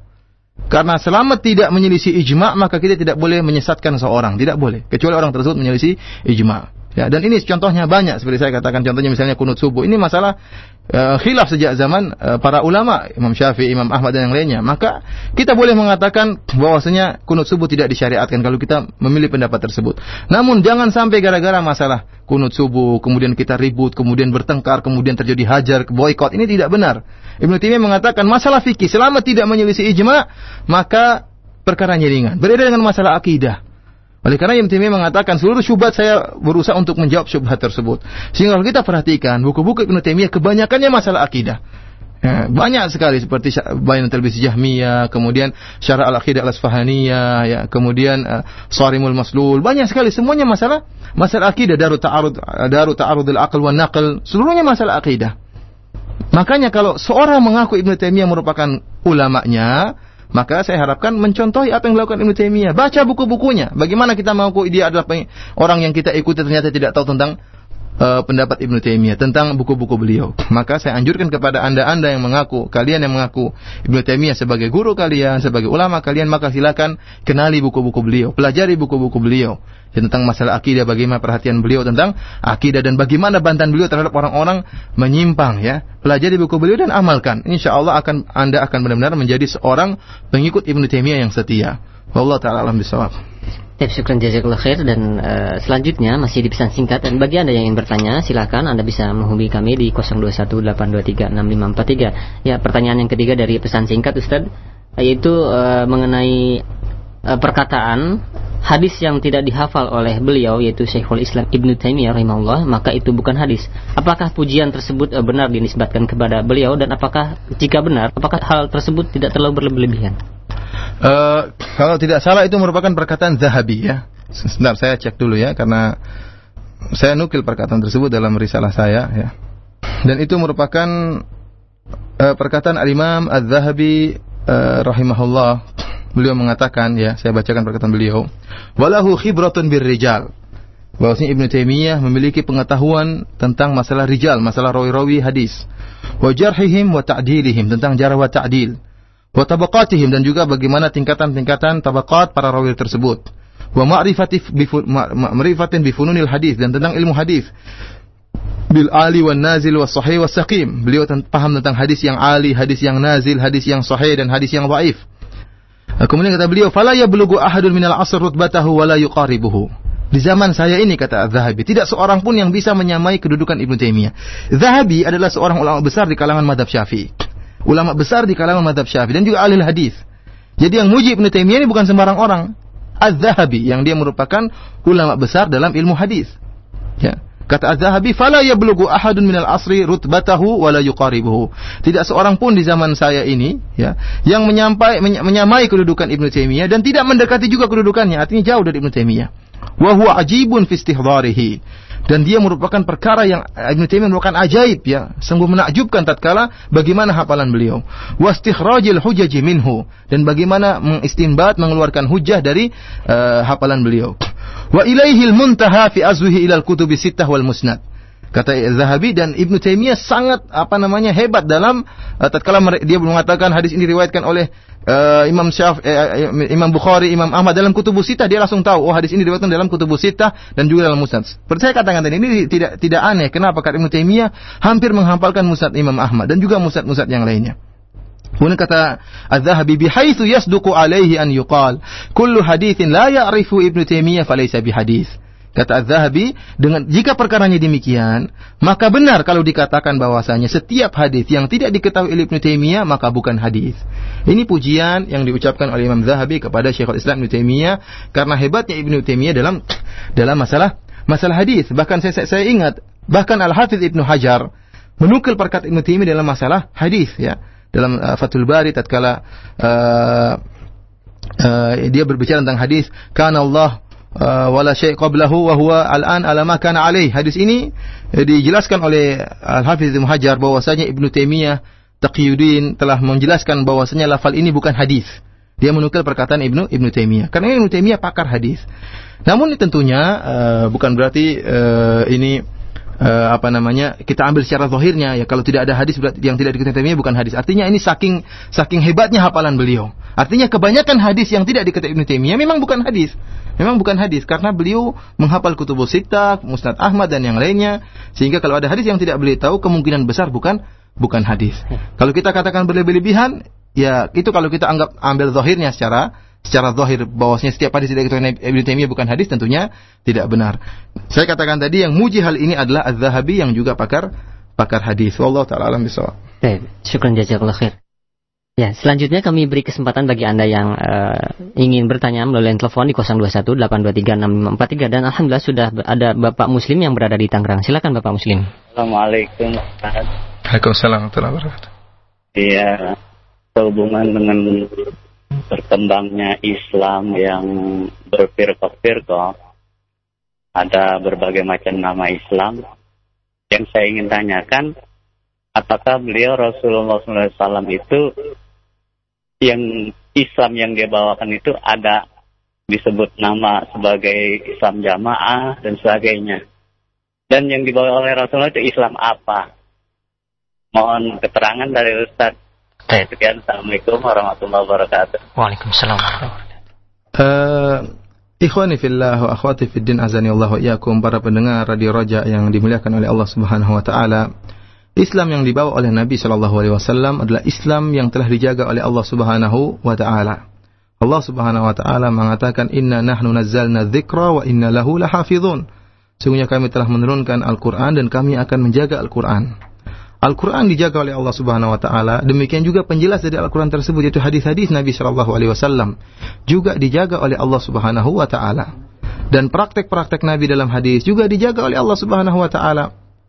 Oleh karenanya pemahaman yang benar yang dibawakan oleh Nabi SAW Islam yang benar pasti dijaga oleh Allah Subhanahu wa taala. Kalau kita ingin tahu mana pemahaman benar yang diajarkan oleh Nabi SAW, maka tidak ada jalan lain kecuali kita meneliti bagaimana praktek para sahabat. Itulah pemahaman yang benar yang dipahami oleh para sahabat karena mereka adalah murid langsung dari Nabi Shallallahu Alaihi Wasallam. Mereka yang melihat langsung praktek Nabi Shallallahu Alaihi Wasallam dan bahkan praktek beliau, praktek para sahabat diawasi oleh langsung oleh Nabi Shallallahu Alaihi Wasallam. Kalau ada kesalahan ditegur oleh Nabi Shallallahu Alaihi Wasallam. Bahkan kalau ada kesalahan ditegur langsung oleh Allah Subhanahu Wa Taala dengan menurunkan ayat yang menunjukkan bahwasanya kalau kita ingin mempelajari mengetahui Islam yang benar, lihatlah bagaimana praktek para sahabat, praktek para salafus saleh. Apalagi Nabi Wasallam pernah bersabda, khairun nasi qarni, thumma alladhina yalunahum, thumma alladhina yalunahum sebaik-baik generasi adalah generasiku, kemudian setelahnya dan setelahnya. Uh, oleh karenanya timbullah perkataan uh, Islam ya Al-Qur'an dan hadis ala fahmi salafil as-salih. Memahami Al-Qur'an dan sunnah sesuai dengan pemahaman salafus salih itu pemahaman para sahabat, tabi'in dan tabi'ut tabi'in. Karena itulah pemahaman yang benar yang telah direkomendasi oleh Allah Subhanahu wa taala dan para uh, sahabatnya. Adapun timbul kemudian firqah-firqah, pemahaman-pemahaman yang masing-masing firqah menamakan dengan nama-nama yang indah, ada yang mengatakan Islam ini, ada yang mengatakan Islam anu. Kita mengatakan nama-nama uh, tentunya harus dengan syar'i. Namun yang perlu kita perhatikan adalah hakikat dari jamaah tersebut. Jangan terpedaya dengan penamaan. Jangan terpedaya dengan penamaan. Sekarang misalnya bunga bank yang riba dikatakan sebagai faedah ya. Eh, misalnya khamr dikatakan sebagai minuman rohani, ya. Ya banyak penamaan-penamaan yang e, mengesankan akan halnya sesuatu namun ternyata hakikatnya adalah haram. Jadi kata para ulama penamaan tidak merubah suatu hakikat. Ada satu jamaah mungkin dikatakan dengan Islam ini Islam anu. Kita teliti hakikatnya apakah praktek mereka itu pernah dikerjakan oleh para sahabat? Praktek mereka itu dikerjakan oleh para sahabat. Pernah nggak dipraktekkan seperti itu?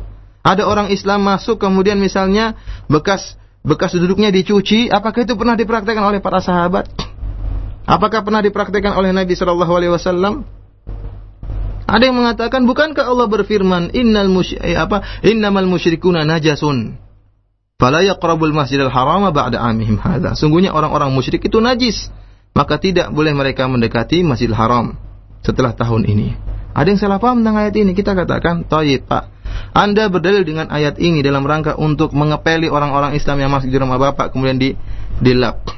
Pemahaman itu dari mana pemahaman itu? Ayat seperti tafsirannya seperti dari mana? Apakah Abu Bakar berpemahaman seperti itu? Apakah Umar berpemahaman seperti itu? Ya. Apakah Imam Syafi'i berpemahaman seperti itu? Apakah Imam Ahmad berpemahaman seperti itu? Ya. Ini pemahaman dari mana? Terus Anda mengaku-ngaku bahwa pemahaman Anda berasal dari Nabi SAW. Apakah Nabi berpemahaman seperti itu? Terus apakah orang Islam yang masuk di rumah Bapak adalah orang musyrik? Sehingga diterapkan dengan ayat tadi, kita katakan tidak benar. Ya. Orang musyrik masuk dari ayat tadi, innamal musyrikuna najasun adalah najis maknawi. Bukan najis badan, bukan najis aini. Orang musyrik badannya tidak najis. Ya. Kalau badannya ternajisi mungkin mungkin buang air tidak bersih ya ternajisi, tapi badannya dagingnya itu bukan najis aini seperti anjing misalnya atau seperti babi misalnya, tidak. Ini salah paham. Oleh karenanya Nabi SAW pernah mengikat seorang musyrik dalam dalam uh, masjid. Bagaimana Nabi masukkan najis kalau orang musyrik itu najis badannya? Kenapa najis dimasukkan dalam masjid? Kemudian uh, bukankah Nabi Shallallahu Alaihi Wasallam kemudian juga apa namanya berjual beli sama orang Yahudi? Bukankah Nabi Shallallahu Alaihi Wasallam juga pernah makan uh, sembelihan orang Yahudi?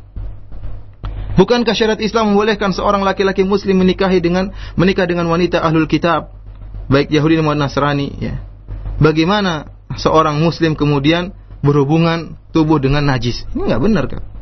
Oleh karenanya, setiap orang setiap jamaah boleh berdalil dengan Al-Qur'an, boleh berdalil dengan sunnah. Kita katakan dari mana pemahaman seperti itu? Pertanyaan kita tadi, apakah ini dipahami oleh uh, para sahabat? Perkaranya seluruhnya mudah, ya. Perkaranya mudah. Apa kata Imam Malik? Ya, apa namanya? Fama fama lam yakun yauma idzin dinan falan yakuna yauma dina. Ini kaidah yang sangat mudah. Apa yang di zaman Nabi bukan agama, zaman sekarang juga bukan agama. Mudah, sudah itu aja. Di zaman Nabi bukan agama, zaman sekarang bukan agama. Yang di zaman Nabi agama, zaman sekarang juga agama. Kalau di zaman Nabi jilbab itu agama, ya. Tatkala para sahabat sebagian tidak pakai jilbab, kemudian turun ayat untuk memerintahkan jilbab mereka pakai jilbab. Jadilah jilbab merupakan agama di zaman Nabi. Kalau ada orang sekarang mengatakan jilbab bukan agama, hanya adat orang Arab, kita katakan tidak benar. Di zaman Nabi merupakan agama, zaman sekarang juga bukan agama. Kalau di zaman Nabi suatu perkara bukan agama, maka zaman sekarang juga bukan agama. Oleh karenanya yang kita nilai adalah hakikat dari pemahaman jamaah, suatu jamaah Islamiyah. Bagaimana pemahamannya? Kita nilai nama tidak mempengaruhi, ya. Yang kita nilai adalah pemahamannya. Kalau pemahamannya menyimpang kita katakan itu bukan pemahaman Rasulullah sallallahu alaihi wasallam dan itu bukan Islamnya Rasulullah sallallahu alaihi wasallam. Syukur jazakallah khair dan e, demikian untuk Bapak Muslim yang berada di Tangerang dan selanjutnya masih di 021 8236543 sudah ada e, Bapak Ali yang berada di Cilen. Silakan Bapak Ali. Assalamualaikum Ustaz. Waalaikumsalam eh, Ini ada yang pernah ngomong katanya Syekhul Islam itu syekhnya seton dengan alasan gini apa bahwa Syekhul Islam itu pernah berkata bahwa eh, kita tidak boleh mengambil hadis dari orang-orang Syiah meskipun hadis tersebut sahih gitu. Gimana jawabannya? Mohon jawabannya. Uh, saya tidak tahu perkataan Ibnu Taimiyah tadi, bahwa tidak kita tidak boleh mengambil hadis dari orang-orang Syiah, ya. Apakah itu benar perkataan Ibnu Taimiyah rahimahullah? Tapi kalau itu perkataan Ibnu Taimiyah, saya dukung perkataan tersebut. Kenapa ikhwani fil azani Allah? Saya kasih logika sama Bapak. Di antara akidah Syiah adalah taqiyah, boleh berdusta. Bahkan semakin banyak orang taqiyah, semakin tinggi kedudukannya. Boleh berdusta. Ya, boleh berdusta baik dalam masalah agama boleh masalah yang lain. Oleh karena kalau saya sendiri pernah bertemu dengan sebagian orang Syiah, katanya Anda mengkafirkan Abu Bakar. Oh, tidak benar, tidak benar. Akhirnya lama-lama terbongkar. Ya, dalam masalah agama mereka boleh berdusta dan itu akidah mereka. Sekarang dalam ilmu hadis, kalau adalah seorang Syiah yang bertakwa kepada Allah, tidak pernah berzina, tidak pernah anu, rajin beribadah. Tatkala dia meriwayatkan hadis, saya tidak tahu orang ini sedang bertakiyah atau tidak tatkala meriwayatkan hadis. Makanya tanya apa sih syarat hadis sahih? Para ulama sudah menyebutkan harus siqah ya, terlepas dari kedustaan di antara uh, syarat-syarat sahihnya suatu hadis. Oleh karena seluruh hadis yang diriwayatkan oleh orang Syiah tidak bisa kita pastikan kebenarannya karena bisa jadi tatkala dia meriwayatkan dia melakukan taqiyah karena taqiyah merupakan agama dari mereka. Siapa yang bisa jamin bahwasanya hadis yang dia sedang riwayatkan tidak sedang taqiyah? Tidak ada yang bisa jamin. Oleh karenanya dari situ sulit kita menerima hadis dari seorang rawi yang bermadhab Syiah karena dia beranggapan boleh untuk bertakiyah.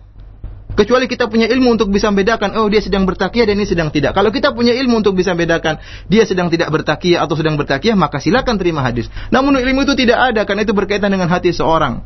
Tidak tahu ilmu kita tidak punya ilmu untuk bisa membedakan dia sedang taki atau atau tidak tatkala sedang meriwayatkan hadis. Allah taala alam bisawab. Mengenai perkataan orang-orang yang bahwa Syekhul Islam bukan merupakan imamnya syaitan itu seperti. Tadi dia mengatakan bahwa Syekhul Islam dikatakan syekhnya setan uh, karena uh, karena tadi karena mengatakan uh, tidak boleh menerima uh, hadis dari orang-orang Syiah. Saya katakan kalau itu perkataan Ibnu maka benar, namun tidak boleh kita mengatakan beliau syekhnya setan. Dan saya ingatkan perkataan Syekhul Islam Ibnu Syekhul Islam itu maksudnya bahwanya bukan maksudnya syekh Syekhul Islam di situ adalah dia adalah marja, dia adalah maksum, enggak. Ya, sebagaimana dijelaskan oleh Ibnu Nasruddin Ad-Dimashqi dalam kitabnya Ar-Radul Wafir, Syekhul Islam maksudnya adalah syekhun fil Islam, artinya dia seorang syekh, seorang alim dalam agama Islam dan dia mengikuti petunjuk Nabi Shallallahu Alaihi Wasallam. Bukan maknanya Syekhul Islam adil artinya uh, kebenaran semua yang diucapkan dia adalah benar. Tidak ada yang memahami seperti itu. Oleh karenanya banyak ulama yang mereka berjulukan Syekhul Islam sebelum Ibnu Taimiyah dan sesudah Ibnu Taimiyah. Demikian bahkan ulama-ulama Syiah banyak yang berjuluk, dijuluki dengan Syekhul Islam Ibnu Taimiyah ya. Dan ini eh, saya sudah pernah bahas masalah ini dan banyak orang-orang Syiah yang dijuluki dengan Syekhul Islam. Banyak orang-orang Syiah yang dijuluki Syekhul Islam. Jadi perkataan Syekhul Islam maksudnya adalah seorang syekh, seorang alim dalam agama agama Islam yang sulit dicari tandingannya karena kepiawaian dan uh, keilmuan yang sangat sangat luas. Allah taala misal. Syukran jazakallahu khair dan selanjutnya kami beralih kembali di lain pesan singkat. Itu ada pertanyaan dari Ardi yang berada di New York, Amerika Serikat. Assalamualaikum warahmatullahi wabarakatuh. Barakallahu fiik. Ustadz, apakah kedudukan uh, Syekhul Islam Ibnu Taimiyah dapat kita setarakan dengan uh, kedudukan para imam madhab karena kedalaman ilmu beliau? Dan apa madhab uh, fikih yang beliau pakai? Atau atau beliau punya metode istinbat tersendiri? De Uh, sebelumnya Ana mengatakan ahlan wa sahlan kepada Al-Akh Ardi. Ya, Ardi di New York adalah seorang sahabat saya dan kita sering uh, uh, berdialog ya ahlan wasahlan ya uh, kepada ikhwas sekalian di New York ya. Alhamdulillah antum mengikuti pengajian anak kali ini. Uh, uh, adapun pertanyaan antum uh, mengenai tentang Syekhul Islam Ibnu Taimiyah apakah disetarakan dengan empat imam madhab? Maka kita katakan bagaimanapun empat imam madhab memiliki qadamus sabaq ya ini dia memiliki keutamaan lebih terdahulu. Uh, Imam Syafi'i, Imam Malik, Imam Ahmad, Imam Abu Hanifah dan mereka yang telah disepakati oleh para ulama bahwasanya mereka adalah a'immat ahlu sunnah. Adapun Ibnu Taimiyah merupakan salah satu dari kebaikan mereka. Ibnu Taimiyah merupakan salah satu kebaikan dari Imam Ahmad karena asalnya beliau tumbuh dalam uh, keluarga yang bermadhab Imam Ahmad. Kakek beliau Majududdin Abdul Barakat Abdul Salam merupakan ulama besar dari madhab Imam Ahmad. Demikian juga ayah beliau Abdul Halim. Demikian juga merupakan madhab uh, ulama besar dari madhab Imam Ahmad. Asalnya beliau adalah bermadhab Hambali. Akan tetapi tatkala beliau uh, merojikan satu pendapat, uh, terkadang beliau dan sering menyelisih madhab Hambali. Oleh karenanya beliau bermadhab Hambali akan tetapi tidak taasub, tidak fanatik terhadap madhab Hambali. Dan itu yang kita harapkan. Ya, betapa banyak juga ulama-ulama Syafi'iyah yang bermadhab Syafi'i namun tatkala merojikan suatu dan jelas bagi mereka ternyata madhab lain lebih kuat maka mereka meninggalkan madhab Syafi'i dalam masalah tertentu. Oleh karenanya yang benar bermadhab tidak jadi masalah. Madhab itu merupakan cara untuk mempelajari suatu agama. Seorang bermadhab hambali silakan bermadhab maliki, silakan. Tetapi yang menjadi patokan tetap adalah dalil, ya. Tidak boleh bertaasub kepada suatu madhab uh, tertentu. Allah taala alam bisawab. Oke, khair dan selanjutnya ada pertanyaan dari Santoso. Assalamualaikum warahmatullahi wabarakatuh. Ustadz, apa benar uh, sekarang susah sekali mendapatkan kitab asli beliau karena banyak yang uh, dibakar? Syukran jazakum. Uh, tidak benar ya, buku beliau yang uh, dahulu uh, buku beliau dikatakan dibakar tidak benar. Buku beliau sangatlah banyak ya. Saya punya buku beliau banyak sekali buku beliau ya. Banyak berpuluhan-puluhan jilid ya, puluhan judul buku Syekhul Islam Ibnu Taimiyah. Kalau dikatakan buku beliau dibakar itu tidak tidak benar. Memang dahulu ada kitab beliau yang berjudul Minhajus Sunnah. Minhajus Sunnah adalah sebuah buku yang ditulis oleh beliau dalam membantah seorang ulama Syi'i yang bernama Ibnul Murtada. Ya, uh, uh, buku tersebut uh, kalau tidak salah 9 jilid itu dulu sering mungkin dibakar, mungkin diambil oleh orang Syiah, dibeli oleh orang Syiah untuk dibakar atau untuk dibuang. Namun ternyata uh, tetap aja ada buku tersebut ya. Buku tersebut tak ada karena isi buku tersebut sangat kuat membantah orang-orang Syiah ya. Makanya saya menganjurkan setiap orang yang ingin mengenal kesalahan orang-orang Syiah maka hendaknya mereka membaca kitab Ibnu Taimiyah yang sangat agung uh, Minhajus Sunnah Nabawiyah, buku yang sangat agung. Adapun tuduhan bahwasanya buku beliau banyak dibakar itu tidak benar karena buku saya sangat banyak tentang Ibnu Taimiyah karena kebetulan tesis saya berkaitan dengan tulisan-tulisan beliau. Ya, itu merupakan salah satu tuduhan yang tidak benar saja. Ya. Dan selanjutnya masih di pesan singkat itu ada beberapa pertanyaan senada dari uh, di antaranya dari Bapak Muslim uh, di antara dari Bapak Ali Bani di Jakarta dan Alawi di Jakarta pula mengenai klaim bahwa beliau itu uh, pernah merayakan Maulid Nabi ya, di dalam kitabnya Asir uh, Siratal Mustaqim. Apakah hal ini benar? Anda sudah baca buku Tidak Suratul Mustaqim. Tidak ada bahwasanya beliau ikut merayakan perayaan Maulid Nabi. Yang ada Ibnu Taimiyah, ya, yang ada dalam kitab beliau. Ibnu Taimiyah punya madhab dalam masalah ini. Kata beliau, orang yang melakukan bid'ah, ya, orang melakukan bid'ah. Namun kalau beliau orang tersebut jahil, tidak tahu tentang hukum bid'ah tersebut, dan ternyata tatkala dia melakukan bid'ah timbul pengagungan terhadap Allah Subhanahu wa taala, maka bisa jadi Allah memberi dia pahala dari sisi ini, bukan karena acara bid'ahnya, tapi karena pengagungan terhadap Allah yang timbul atau pengagungan terhadap Rasulullah yang timbul akibat acara bid'ah tadi. Namun ini bagi orang yang jahil tidak tahu tentang bid'ahnya sesuatu. Inilah yang di, disebut oleh Syekh Islam Ibnu Taimiyah. Sama sekali beliau tidak pernah mengatakan maulid itu adalah benar bahkan beliau membantah hanya saja beliau mengatakan e, bisa jadi seorang melakukan acara maulid Nabi bisa jadi jahil dan tidak tahu akhirnya dia timbul dalam dirinya pengagungan terhadap Nabi maka kemudian e, apa namanya e, orang tersebut bisa jadi diberi pahala diberi pahala oleh Allah Subhanahu wa taala. Meskipun sebagian ulama menyelisihi pendapat Ibnu Taimiyah dalam masalah ini. Mereka mengatakan setiap orang melakukan Maulid Nabi meskipun timbul pengagungan, timbul pengagungan terhadap Rasulullah tetap ditolak karena kata Rasulullah SAW, "Man amila amalan laisa alaihi amruna fahuwa rad." Barang siapa yang mengamalkan suatu amalan yang tidak ada contoh dari kami, maka tertolak. Itu tentunya Maulid Nabi tidak sama tidak uh, kalaupun meskipun Ibnu Taimiyah e, mengatakan demikian bukan berarti ini kemudian menjadi penghalalan kepada seluruh bentuk Maulid Nabi. Kita katakan bahwasanya bentuk perayaan Maulid Nabi bermacam-macam. Ya, saya sendiri lihat di sebagian negeri Arab bagaimana laki-laki perempuan campur kemudian e, berjoget-joget sebagian meyakini Rasulullah SAW hadir tatkala acara Maulid betapa banyak praktek-praktek perayaan Maulid Nabi yang bertentangan dengan syariat Islam ya bertentangan dengan syariat Islam. Sebagian Maulid Nabi hanya sederhana, misalnya dengan membaca sejarah Nabi Shallallahu Alaihi Wasallam. Ini lebih ringan daripada yang yang lainnya, ya. Allah Taala alam bisawab. Saya syukran jazakallah khair dan selanjutnya kami beralih kembali di line telepon di 021 823 6543 dan uh, alhamdulillah sudah ada Bapak Untung yang berada di Pekayan Bekasi. Silakan Bapak Untung. Assalamualaikum. Waalaikumsalam warahmatullahi wabarakatuh. Saat anak pernah baca di salah satu website uh, subhat yang tentang Ibnu Taimiyah bahwa beliau suka juga kuburiun. Gitu, Sat. Hanya itu saya, Sat. Apakah itu benar? Uh, ya, gini ya. Assalamualaikum. Ibnu Taimiyah bagaimana bisa dituduh bahwasanya beliau suka kuburian? Baca saja buku beliau bagaimana beliau membantah orang-orang kuburian ya. Bahkan beliau di penjara terakhir gara-gara masalah ziarah kubur. Beliau melarang ziarah kubur kalau orang bersafar dalam rangka untuk ziarah kubur ya. Eh, syaddur rihal dalam rangka bersafar dalam rangka ziarah kubur, mencari barokah kuburan tersebut. Gara-gara masalah ini beliau di penjara akhirnya meninggal dunia di penjara tersebut. Ya masalah jangankan masalah pengagungan terhadap ziarah kubur saja beliau e, berpendapat demikian akhirnya beliau di di penjara. Maka tuduhan bahwasanya beliau e, apa namanya membenarkan para e, penyembah kubur maka ini adalah tuduhan yang yang tidak benar. Sebagian orang yang menukil perkataan Ibnu Taimiyah, mereka tidak menukil secara sempurna, ya. Atau mereka salah paham tentang perkataan Ibnu Taimiyah. Seperti tadi masalah Maulid, kemudian juga masalah ini. Uh, namun kalau kita baca seluruh perkataan Ibnu Taimiyah, tentu maksudnya tidak seperti itu. Oleh karenanya kalau masalah syubhat-syubhat seperti ini harus didatangkan satu persatu ya. Namun secara global saya katakan tadi, kebanyakan orang yang menukil perkataan Ibnu Taimiyah dan beranggapan bahwa Ibnu Taimiyah menuduh sufi mereka, uh, menguatkan kesufian mereka, menguatkan kesyirikan mereka, menguatkan tentang harokah mereka, kita katakan silakan Anda baca buku Ibnu Taimiyah dari awal sampai akhir sehingga Anda bisa paham maksud dari perkataan Syekhul Islam Ibnu Taimiyah rahimahullah.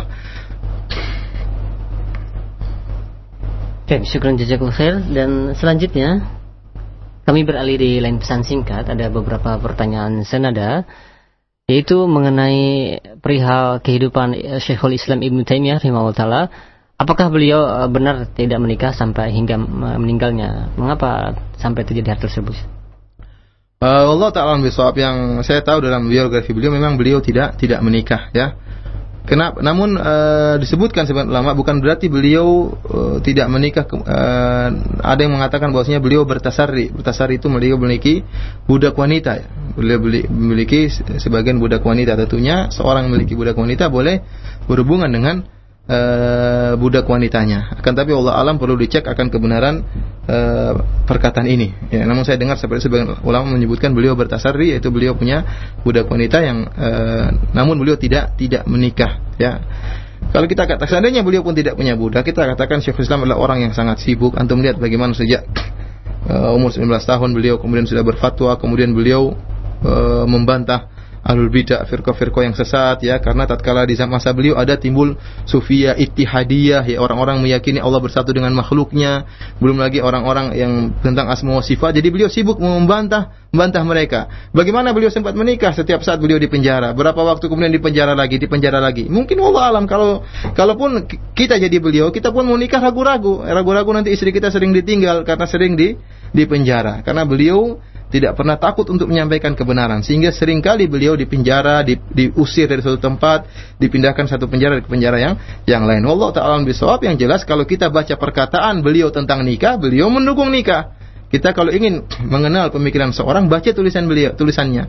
Ternyata Syekhul Islam Taimiyah juga punya buku fikih dan beliau menjelaskan tentang keutamaan menikah ya. Adapun kenapa beliau tidak menikah, tentunya ada sebab-sebab yang lain mungkin kita tidak tahu. Allah taala alam bisawab. Ya, syukur jazakallahu khair dan selanjutnya masih di masih di pesan singkat itu dari eh, di, di, di Jatinegara tadi telah dijelaskan mengenai perkataan Syekhul Islam Ibnu Taimiyah bahwa uh, tidak menerima hadis dari orang-orang Syiah. Uh, yang ditanyakan itu apa yang dimaksud dengan uh, Syiah? Ini uh, pertanyaan sangat mendasar sekali. Asal usulnya dan uh, apakah ajaran atau paham dari mazhab Syiah tersebut? Uh, ikhwani fillah Allah wa iyyakum, saya rasa ini pertanyaan terakhir uh, karena waktu sudah uh, sudah jauh ya. Uh, mengenai tentang kelompok Syiah, maka itu butuh penjelasan yang panjang lebar tentang asal usulnya, tentang akidahnya, tentang uh, penyimpangan mereka dan itu butuh pengajian khusus insya Allah ustaz-ustaz yang lain atau kalau ada kesempatan lain kita akan menjelaskan dengan uh, panjang lebar. Demikian saja ikhwani fillah wa akhwati fiddin azani Allah wa iyyakum. Mungkin ada uh, satu buku rujukan yang dapat dibaca oleh para penulis sekalian. Ada ada sebuah buku yang sangat indah ya. Namun saya sudah tidak tahu apakah diterjemahkan atau tidak ya. Judulnya Ulama Syiah Yaqulun. Ulama Syiah Yaqulun. Buku ini yang artinya para ulama Syiah berkata. Buku ini ditulis oleh Ahlul Bait, keturunan Nabi sallallahu alaihi wasallam, namun Ahlul Bait yang sunnah. Ahlul Bait yang uh, keturunan Nabi yang berpemahaman sunnah. Jadi jangan disangka seluruh ahlul bait itu bermaman syiah, anda. Banyak ahlul bait di Madinah banyak orang-orang asyraf yang benar-benar murni keturunan Nabi SAW dan terkenal nasabnya ma'ruf mereka penduduk kota Madinah penduduk kota Mekah mereka dikenal dengan syarif asyraf dan mereka banyak yang sunnah dan mereka punya perkumpulan dan mereka menulis sebuah buku yang judulnya ulama Syiah yaqulun. Artinya orang ulama Syiah berkata di situ tidak ada perkataan ahlu sunnah hanya menukil perkataan ulama syiah dari buku-buku mereka. Difotokopi langsung. Jadi buku ini ini ulamanya ngomong gini baca sendiri tentang Abu Bakar tentang syiah tentang Nabi tentang siapa. Ini ini banyak banyak tebal lumayan bukunya. Kalau seandainya buku itu terjemahkan karena itu adalah bukti otentik kita tidak asal ngomong tapi inilah perkataan mereka. Kalau kita ngomong terkadang orang bilang ah, itu sih tuduhan ulama sunnah saja. Siang nggak ngomong kayak gitu. Nggak kita bilang nih perkataan mereka langsung dalam buku-buku. Bahkan difotokopi langsung dalam buku tersebut.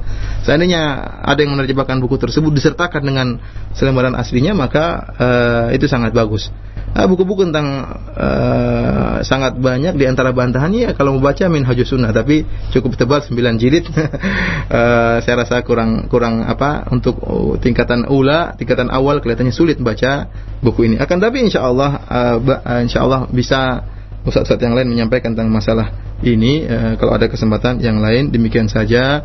Kurang lebihnya ana mohon maaf. Wabillahi taufiq wal hidayah. Assalamualaikum warahmatullahi wabarakatuh